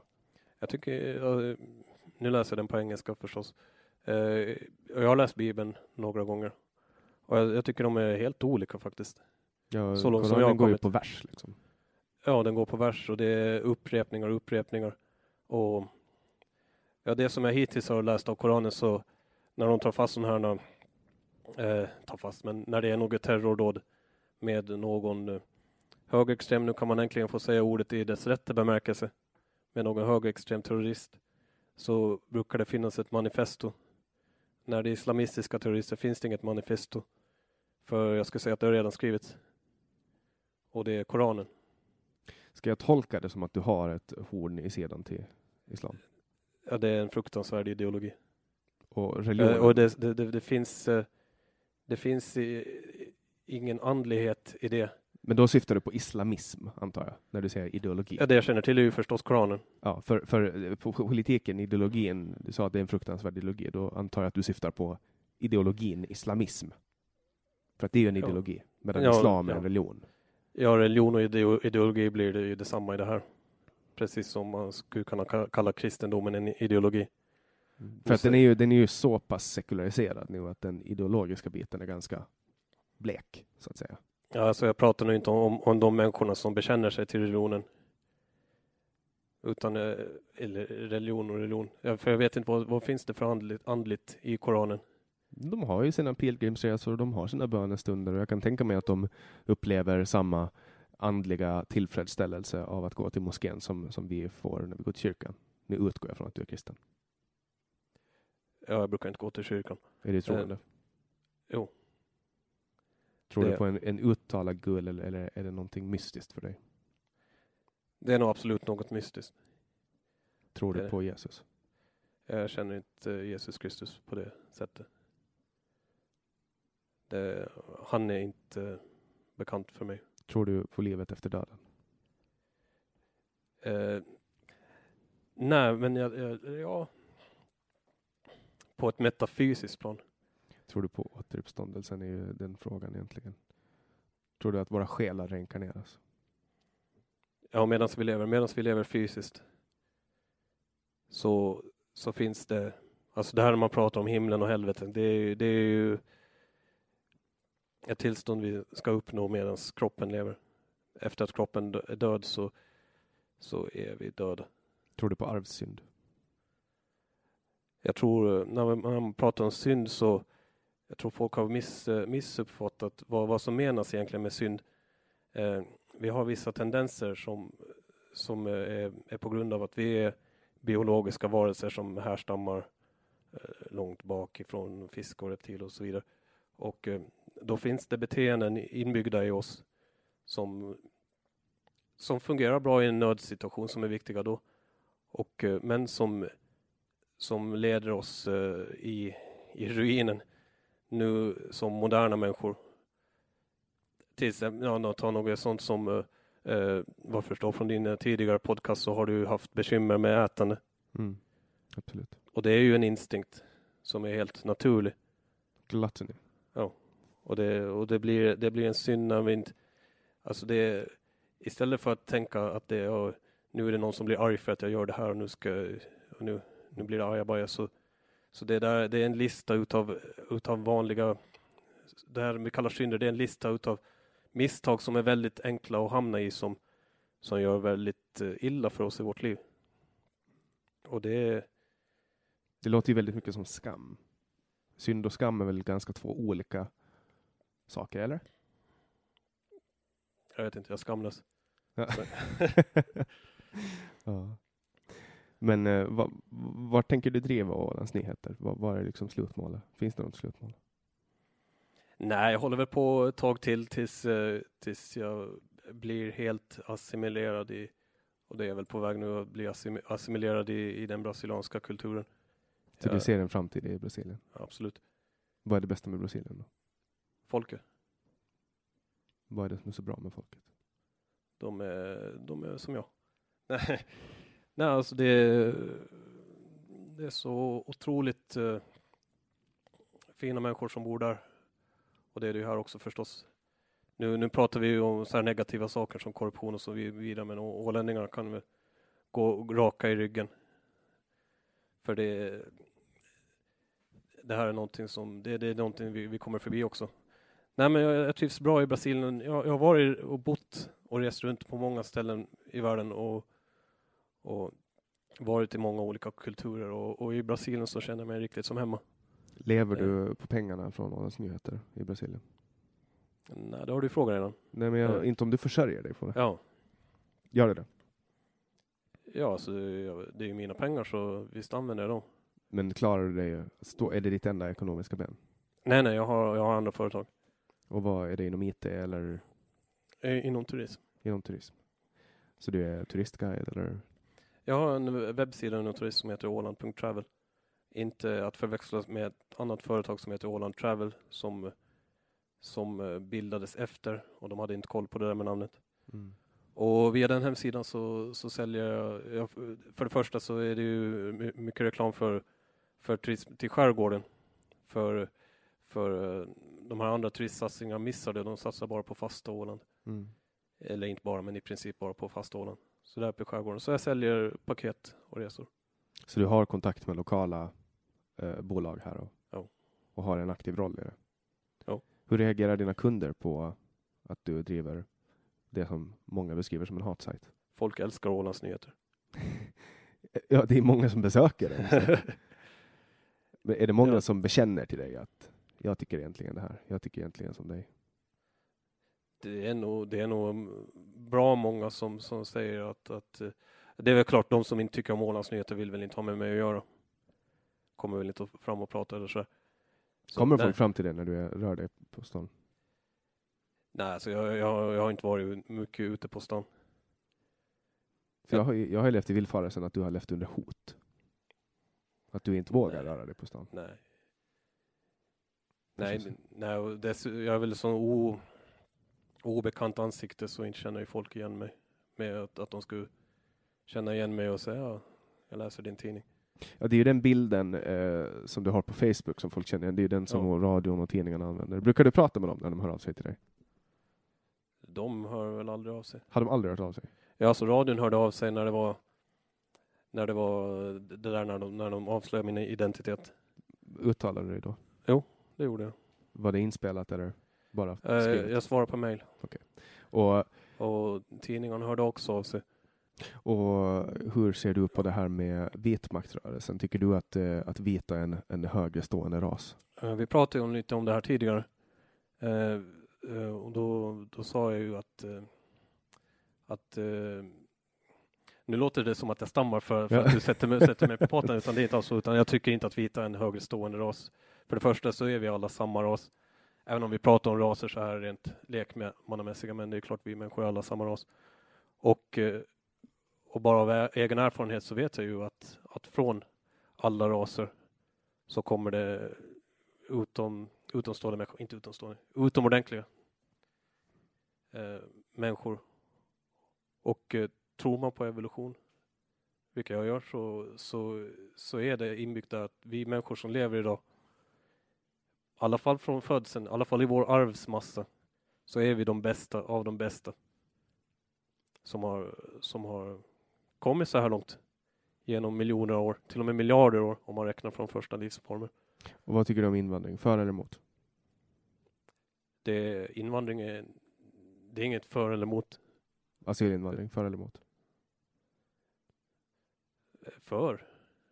Men vad, vad då för sorts invandring? Asylinvandring. Asyl, ja, ursäkta. Alltså, Asylinvandring. Ja, från grannländerna. Om det, om det är någon konflikt och det är kvinnor och barn. Eh, den här invandringen, eh, asylinvandringen till Finland. Och nu undantar jag kvotflyktingar för det är en annan historia. Eh, de här asylsökande till Finland som är för huvudsak män från Irak och Afghanistan. Hela, hela den här asyl, asylinvandringen till Finland är bedrägeri. Ska jag våga påstå. Eh, jag påstår det. Hur? För de är ju de är inte flyktingar eftersom de har rest genom andra länder. Det finns inga direktflyg från Irak eller Afghanistan till Finland. Så de har tackat nej till, till en säker hamn för att komma hit. Och då är de inte flyktingar. Men, men det måste ju finnas undantag, för nu pratar du i generaliserande termer. När du säger dem. Det finns, eh, alltså det finns ju asylsökande från, från Ryssland förstås. Och det är ett grannland till Finland. Men man kan inte räknas som flykting om man tackar nej till andra länder emellan. Men är, det här, är det här de skälen till varför du inte vill ha invandring, eller tycker du att det finns någon form av kulturellt problem också? För att det framhävs ju väldigt ofta att kulturen från de som kommer till Skandinavien, att det är fel på kulturen. Det är, det är en annan kultur. Och uh, vissa kulturer är helt enkelt sämre än andra kulturer. Våran kultur är inte den bästa i världen heller. Vilka, vilka är sämre än våra? Vilka kulturer är sämre? Uh, just de här, mellan, de här mellanösternkulturerna. Är de sämre? Ja. På vilket sätt? För att uh, det är så konfliktinriktat istället för samarbetsinriktat. Och nu sitter folk och tänker uh, kasta sten i glashus. Mm. Men, du vill ha mera kärlek, eller? Nej, men om, om, varför har de e, ändlösa krig i Mellanöstern? För att det är en, en konfliktinriktad kultur. Och den är, ja, man kan inte säga att den inte är framgångsrik. Men, men USA och Ryssland är ju där och krigar också. Ja, det är Vad fan gör de där? Det är ju standard, standardprat att det, det, är ju det är USAs fel och ryssarnas fel. Visst, de är där och, och blåser på elden. Men inte, inte det är ju de som, som är liksom själva grundorsaken till att det finns konflikter där. Kan man, kan någon, man... någon, gång måste man ju lugna ner sig. Med, I Europa så hade vi fruktansvärda konflikter, andra världskriget, med nazister som var den tidens terror, terrororganisation. Eh, och, och, och det krigades loss något vettlöst. Och sen så lugnar folk ner sig. Och det, det verkar finnas i, i vissa mellanösterkulturer. Och det är klart, nu måste jag prata generaliserande, för vi pratar om abstrakta grejer. Kultur är ett abstrakt koncept. Men jag menar, det finns ju åtminstone en demokrati i Mellanöstern. Israel. Ja. vi sa det samtidigt. Ja. Så det, det, det var den enda jag kunde komma på nu. Men... Och sen, sen är det ju man pratar om integration, att i Sverige pratar man ju, och, och Polen säger man att, att uh, vi, vi klarar av så mycket invandring för vi är bra på att integrera. I Sverige så var de dåliga på integration. Och då, då, där har de problemen ifrån. Men om man kommer till ett annat land så är det ens eget ansvar att integreras. Ja, och sen får man ju också ifrågasätta om det verkligen är så att vi är bra på att integrera. Jag tror inte att vi kan säga att vi är bra på det, för att det finns ingen som har mätt det. Man har inte på något sätt ja. mätt. Man kan ju ha en känsla av att det har gått bra, ja, men, det, men kan man in, har man inte mätt det? Nej, det är ju ett abstrakt koncept igen. Ja. Eh, jag kommer ihåg att för, för några månader sedan så var det så diskussion om mångkultur i, i tidningarnas insändarspalter. Och, och man kommer ingen vart med det. Det, det, det, det, blir som, det blir så abstrakt av det. För alla har olika definitioner på det. Men, men någonstans måste man ju se verkligheten i vitöga också och se att, att mycket av invandringen till Finland och till, till Sverige och till Europa är inte av fredlig natur. Är det liksom så enkelt att, eh, att man kan invadera ett land och bara man säger att, att ja, men jag är civil så kan man sen begå krigsbrott. Men du tror alltså att det handlar om en invadering, den invandringen? Ja, det, jag tror det ligger i kulturen att, eh, att erövra och vad är då, vad är då syftet att erövra? Vad vill man göra med erövringen? För att erövra, det handlar om att gå in i någons fort, ta över fortet, underkasta människorna i fortet och få dem att bli en slavar och del av ens rike. Ja. Vad är det för... Krig ligger ju i människans blod. Vad är det för krafter som ligger bakom det här då? Jag vet inte. För att det måste ju finnas, om du säger att det ska vara att erövra, då är det ju någon kraft som måste vilja erövra. Då är det någon som vill förslava oss. Ja, där får du vända dig till Bibeln och se vem, vem det är som, som vill förslava oss. Det är ju djävulen enligt Bibeln. Ja, om, om man tror på djävulen. Då, eh, alltså den här, den här in, och också just med den här invandringen, att, att, att det är just bara från Mellanöstern. Det är inte bara från Mellanöstern, men det är så stort procentuellt från Mellanöstern. Och de säger att de är flyktingar. Många av dem är inte flyktingar. Det är jättemånga de, från Nordafrika också. Ja. Nordafrika. Ska, så det är inte bara Mellanöstern? Nej, jag, jag, räknar, jag räknar på sätt och vis Nordafrika med där. De är ju, Ja, det, är, det, är, det är, men man brukar det är prata en helt om annan mer- kontinent ju. Ja, man, man, men det, är samma religion åtminstone. Islam, tänker du? Ja. Ja. Och, Men Syrien, det är jättemånga kristna syria, syriska flyktingar som har kommit nu. oh, ja, finns det så många kristna bland dem? I Syrien, där finns det många kristna. Ja. Och det är väl de Bland- som, de flyr väl från islam? Ja, de flyr från folkmord. Ja. Så, så är det. Mm, ja. Och också de, samtidigt är det, är det, är det så att, eh, ja hur ska jag formulera mig? Det finns, det finns riktiga flyktingar. Sen måste man tänka på att, att eh, kan män fly på det viset? Eller ska vi stanna och, ska man stanna och slåss? Eh, Jag, tror att tanken för många är väl att man ska åka dit och den, alltså åka till ett annat land och skaffa pengar och försöka ta med sig ja. folk. Att Och då väl, är man ju ingen flykting. Ja, då är man då- väl en flykting. Om man ska åka till ett annat land och, och ordna pengar och skicka hem. Nej, eller bygga en bas. Bygga en bas för att ta med sig flera. Ta med familjen. Ja, då är man ju ingen flykting.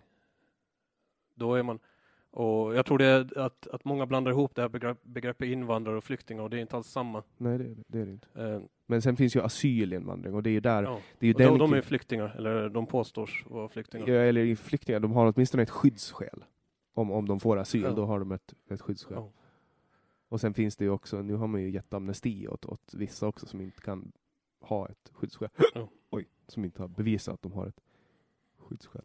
Brasilien tar emot flyktingar också. Eh, från Syrien har det nog inte varit många som har sökt. Jag tror det är några dussin. Vi har ju väldigt lite från Asien och här i Skandinavien. Ja. De får väl kanske till, Dubai Ja. och sånt istället. ja, inte Eller mer det- arbetskraftsinvandring. Ja, det är väl ka- kanske arbetskraften. Eller slavarbetskraft, vad, eller vad de nu håller på med där.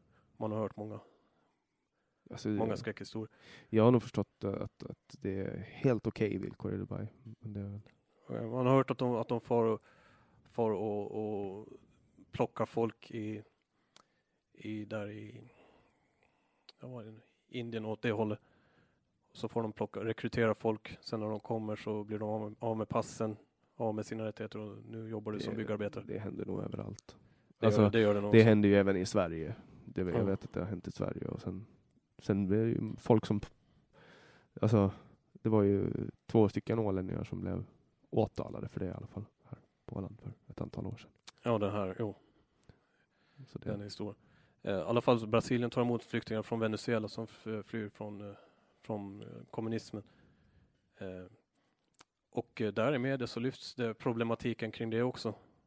Och då är det två länder som har väldigt eh, lika kultur, samma, samma språk i princip. Och så, så plus att Brasilien är säkert inte så enkelt för, för en flykting. I alla fall så, nå bara för en kuriosa historia. Eh, nej, strunt samma. Nej, berätta. Så de höll, apropå det här med gränser och stängda gränser och öppna gränser, så där höll Bra- Brasilien på, på och körde in långtradare med mat och förnödenheter till Venezuela. Tills eh, Venezuela stängde gränsen. Varför? Eh, Det är för mig helt oförståeligt. Man har ett folk som svälter och så nekar man dem. Ja, antagligen så var det för dålig propaganda. Mm. Eh, Men just med den här flykting, flyktinginvandringen, alltså den, den, den tar sig en, en ofredlig natur. Jag och det tycker jag, det har jag fått kritik att folk tycker att det är löjligt att jag skriver krigsbrott om sådana här gruppvåldtäkter. Eh, men kolla upp definitionen av krigsbrott. Våldtäkt är ofta ett, ett krigsbrott. Det handlar inte om, om sex, det handlar om, eh, om eh, makt och erövring. Och nu är det ju mm, den mängden flyktingar som med fientlig avsikt som finns i Finland. Och jag pratar inte om alla naturligtvis. De, har, de, har, de är nog inte så, så många att de kan erövra Finland. Men eh, man måste se hur trenderna går. I Sverige pratas det om sånt där. Det, det var otänkbart för några år sedan. Bara att läsa folk prata om inbördeskrig. För att så långt är ju Sverige inte nu. Alltså det är ju inte ett inbördeskrig. Det krävs ju jättemycket. Och det är alltid, det är nästan alltid så att man, man hittar sanningen någonstans i mitten. Det är det. Eller så är det bara folk som är liksom eh, tänker för långt framåt. För jag tror att det är viktigt att man, att man tittar på trender. Okej, okay, där jag bor i Florianopolis. Det är en av Brasiliens mest fredliga städer. Eh, det är fortfarande 200 mord om året. Som är, hur länge tar det för Sverige att få 200 mord? Det tar ett bra tag, mm. kan jag tänka mig. Hur många mord är det i Sverige per år? Jag vet inte, men det är nog inte så särdeles många. Ett par dussin kanske. Ja, någonting sånt. Sen är det ju beroende på vad man, vad man kallar för mord och hur man statistik för. Det är väl det som är stora problemet också. Och sen har man ju också en, en, en paradox som uppstår med skjutningar. Det är ju att när man, oj, förlåt, när man mäter skjutningar, då är det ju ofta man säger att skjutningarna har gått ner. Många gånger har det att göra med att de som skjuter på varandra skjuter ihjäl varandra. Så att de, som, ja. Så att ja. då, de liksom de blir färre och färre för att de skjuter ihjäl varandra. Ja. Och då löser man ju, då blir problemet löst genom att de som skjuter skjuter ihjäl de som skjuter. Och då är ju, är ju fortfarande, man brukar ju prata om att någon går ut och gör en markering. Att en kriminell grupp börjar göra en sak och då blir det okej okay för den andra att göra det och så går det bara närmare och närmare. Det är lite samma med publiceringar. Att um, den första som publicerar en bild, den första svenska tidningen som publicerar en bild på en död kropp och sen kommer nästa och sen liksom så och så bara tänjer oh. man på gränserna. Oh. Och det är väl lite det som händer med gängkriminalitet också eh, och när man pratar om skjutnings och sprängningsstatistik. Jo, oh, så är det, så är det väl säkert. Men man, man, får, man, jag tycker att man måste se på trenden för, för trenden för, för nu kanske jag uttalar mig med sånt som jag inte vet, men vad man nu följer med så trenden i Sverige är inte bra när det gäller när det gäller kriminalitet och det, det är ju en, en invandringsfråga. Det, det, det är ju ingen som förnekar det längre. Stefan Löfven förnekar det ju. Ja, då, förstås, I en intervju för bara häromdagen så förnekar han det live i TV2. Ja. Uh, och, och sen, sen det, det, det jag vet med säkerhet är att det skrivs mer än någonsin om det. Ja, det gör det. Så det, det är det enda jag vet med säkerhet. Och sen vet jag ja. att det finns de som säger att det ökar och de som inte säger att det ökar. Uh, men, men det som är, tror jag, väsentligt är att människor känner sig otrygga. Ja, det är väl det. det, är väl det. Och människor ska ja. inte behöva känna sig Nej. otrygga, inte i ett välfärdssamhälle. Nej. Ute på savannen, ja, för där är man otrygg. Men, men här är det ju meningen att alla ska ha mat, husrum och, och, och basala grundläggande förutsättningar och ekonomiska medel att klara sig. Oh.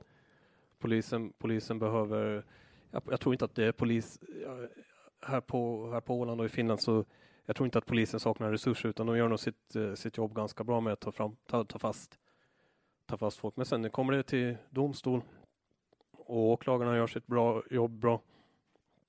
Men domarna är för lindriga när det gäller grova brott. Mm. Ja, sen, sen har vi också det att man anser att alltså skattebrott är värre än sexualvåld. Ja. Och det, det är i allmänhet ett ganska stort eh, problem tycker jag. Ja, sen funderar vi på om vi, vi pratade tidigare om vi lever i en demokrati eller inte, men jag tror inte att det är folkets vilja. Att skattebrott ska vara värre än... Det är nog statens vilja. Det är nog statens vilja. Det... Som färgar mycket av hur, hur lagarna är skrivna. Mm. Uh, vill, man, vill man vara konspiratoriskt lagd så kan man ju, kan man ju tänka att, att, uh, att till och med att makthavare tycker att det är bra ju mer otrygghet det blir för då sitter inte folk och funderar på, men, på hur de ska ta sig in i lagtinget till mm. exempel. Nej, men så är det. Då sitter man och funderar på att då kommer han där och kommer han där gängmedlemmen då som som eh, min lillebror hade trampat på tårna eller något sånt. Kommer han och, och komma och ta mig? Eh, tror du att människan påverkar klimatet? Eh, nej. Nej, så jag tror är... det är hybris. Så du är en klimatförnekare med andra ord? Jag förnekar nog inte att det finns ett klimat. Eh, jag har inte satt mig in i det. Vi, skulle kunna prata lite om det. Eh, om jag förstått det rätt, så, för det är så många andra som pratar om det där på båda sidor, så, så har jag inte hittat. Men eh, idén är ju det här att, att koldioxid i atmosfären gör att det reflekterade ljuset stannar kvar. Och då, vad, då funderar jag, vad är det för egenskap i det reflekterade ljuset som gör att det inte tar sig igenom koldioxid. Jag vet väldigt lite om de sakerna. Då är vi två stycken som vet ingenting. Ja. För att, för att det är, den upp, uppfattningen jag får i alla fall om jag ska uttala mig neutralt om frågan är att eh, det finns en stor forskarkonsensus om att klimatet är på väg att barka. Och att om vi inte slutar nu så har vi ett stort problem med att vi håller på och värmer upp jorden. Och sen, kommer man, sen vet man inte vad som händer. ja, no, med, förbehåll för att, för att eh, jag personligen inte, inte ser, ser det. Eh, no, låt, låt oss säga då att det värms upp något. Eh, de här domedagsidéerna om att eh, Alltså, I nyan tror jag det var någon, någon av de här ledarflickorna som hade skrivit att, att då blir jorden olämplig för all form av liv. Och allt vad det är. Så, ja, nå, vi människor lever ju redan i massa olika klimat. Ja. Så ändras det så anpassas vi, anpassar vi oss väl. För jag menar, det är ju naturkatastrofer man pratar om. Jo. Det har vi ju redan idag. För jag menar, alltså, men men du, du tror inte att människan påverkar klimatet, men, men å andra sidan så menar du att du vet för lite om det. Då känns det som att du har, Ja. då har du tagit en ställning. Då känns det som att jag är fel, inte, fel person att intervjua om det. Ja, jag tänker att det kan ändå vara en, intressant att ha din synvinkel. För att det här är ju, nu har vi gått igenom alla brännande frågor. Jag har svårt Ja. att tänka mig flera brännande frågor att ta med dig. Förutom Ja. eh, droger till exempel. Vad tycker du om Droger. narkotika? Ska det vara lagligt eller ska det vara olagligt? eh, om narkotika, om det ska vara lagligt eller olagligt. Eh, jag tror att man, man får se hur det ser ut, att, att nu finns det att få tag i hur lätt som helst redan. Eh, narkotika är någonting som existerar och, och eh, vi kan eh, vi kan inte vi kan inte bli av med det genom att förbjuda det.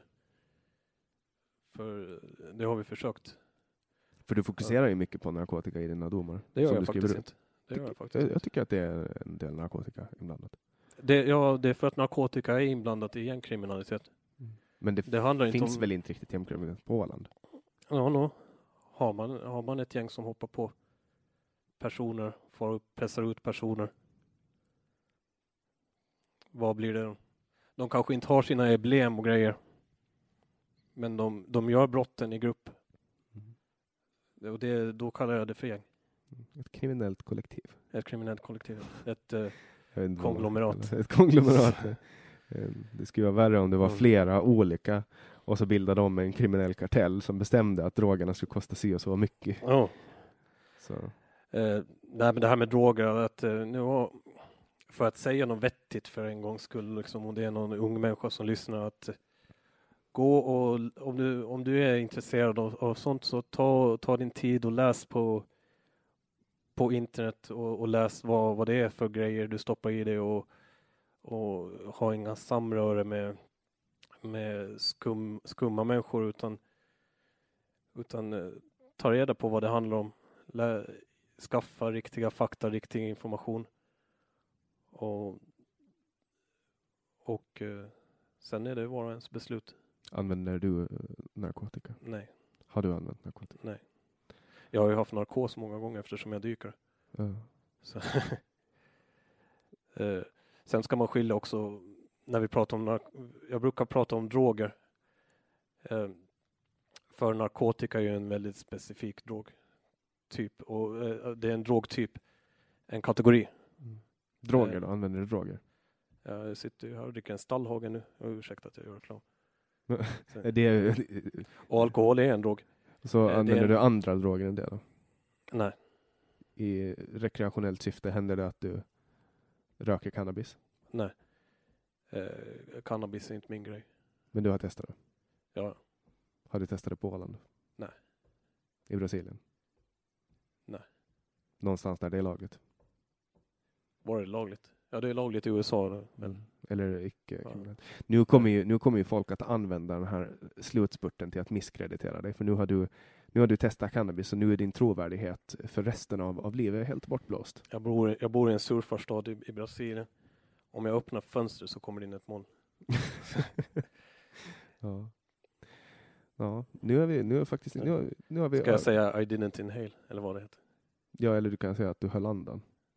Jag, jag, var det så Bill Clinton sa? Jaha, det vet jag inte. Har ha, ha han varit i någon drogskandal? Han var i den där så kallade hetluften. För att han skulle ha rökt eh, cannabis. Och så sa han att jo, jo men jag andades inte in. Mm. För jag menar, Obama har ju öppet sagt att han har rökt cannabis. Ja. ja. Och det var ju... Det är väl Trump som fattas då, men han är en sån här tiototaler som... Ja, han är som mig han. Ja, så det... Rör inte ens ja. alkohol. Nej. Så. Då, var, det inte, var det inte Trump som sa att han ville ha drogtester på, på presidentdebatterna? så. ja, det, han, är, han är ju en misstänksam person. Han har ju mycket med, han har ju många anledningar att vara misstänksam runt, runt om sig. Ja, det tror jag. Jag kan tänka mig att som där extremt rik att det jag tror nog han har varit på många fester där det har plockats fram både det ena och det andra. Troligtvis när han har satt Nej. på någon porrstjärna någonstans. Ja, det har han sysslat med. Eh, speciellt med, med tanke på hur de säger att det var i USA på 80-talet. Med där. Men apropå det här med droger, att, att, eh, att man, man måste nog bara ta ansvar och, och, om man ska syssla med sånt. Och ja, cannabis, det är ju ingenting, det är som att ta sig en pilsner, ska jag säga. Förutom att eh, en del människor som tar det tror att de ska dö. Så. Ja. Det är väldigt sällan ja. det händer när man tar en pilsner. Nej, Nej det, händer, det händer sällan. Och, och jag ska inte säga något för att misskreditera några uh, olika varumärken av pilsner. Så. uh,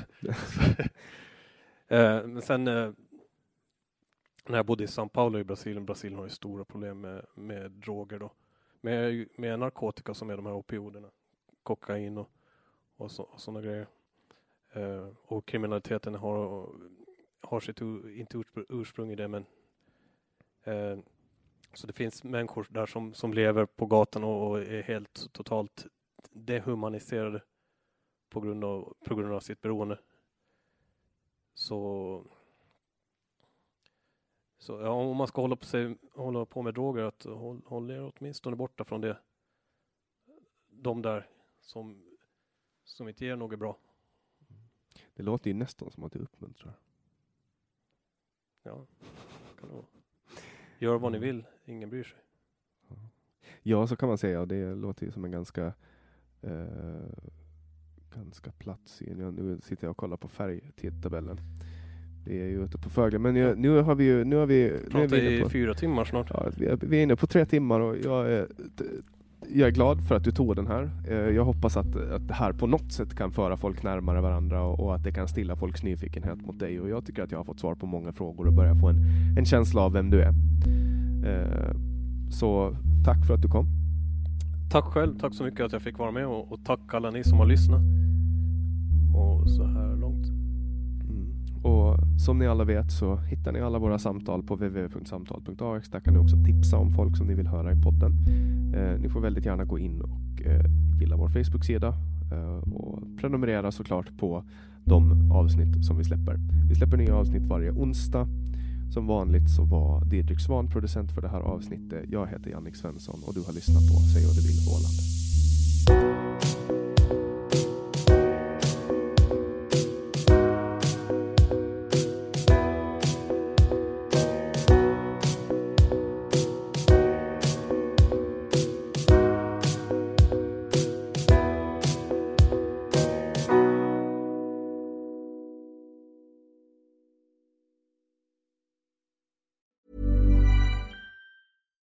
Deserves the best, and there's no better place to shop for Mother's Day than Whole Foods Market. They're your destination for unbeatable savings, from premium gifts to show-stopping flowers and irresistible desserts. Start by saving 33% with Prime on all body care and candles. Then get a 15-stem bunch of tulips for just $9.99 each with Prime. Round out Mom's menu with festive rosé, irresistible berry chantilly cake, and more special treats. Come celebrate Mother's Day at Whole Foods Market. Hey, it's Danny Pellegrino from Everything Iconic. Ready to upgrade your style game without blowing your budget? Check out Quince. They've got all the good stuff shirts and polos, activewear, and fine leather goods, all at 50 to 80% less than other high end brands. And the best part? They're all about safe, ethical, and responsible manufacturing. Get that luxury vibe without the luxury price tag. Hit up quince.com slash upgrade for free shipping and 365 day returns on your next order. That's quince.com slash upgrade.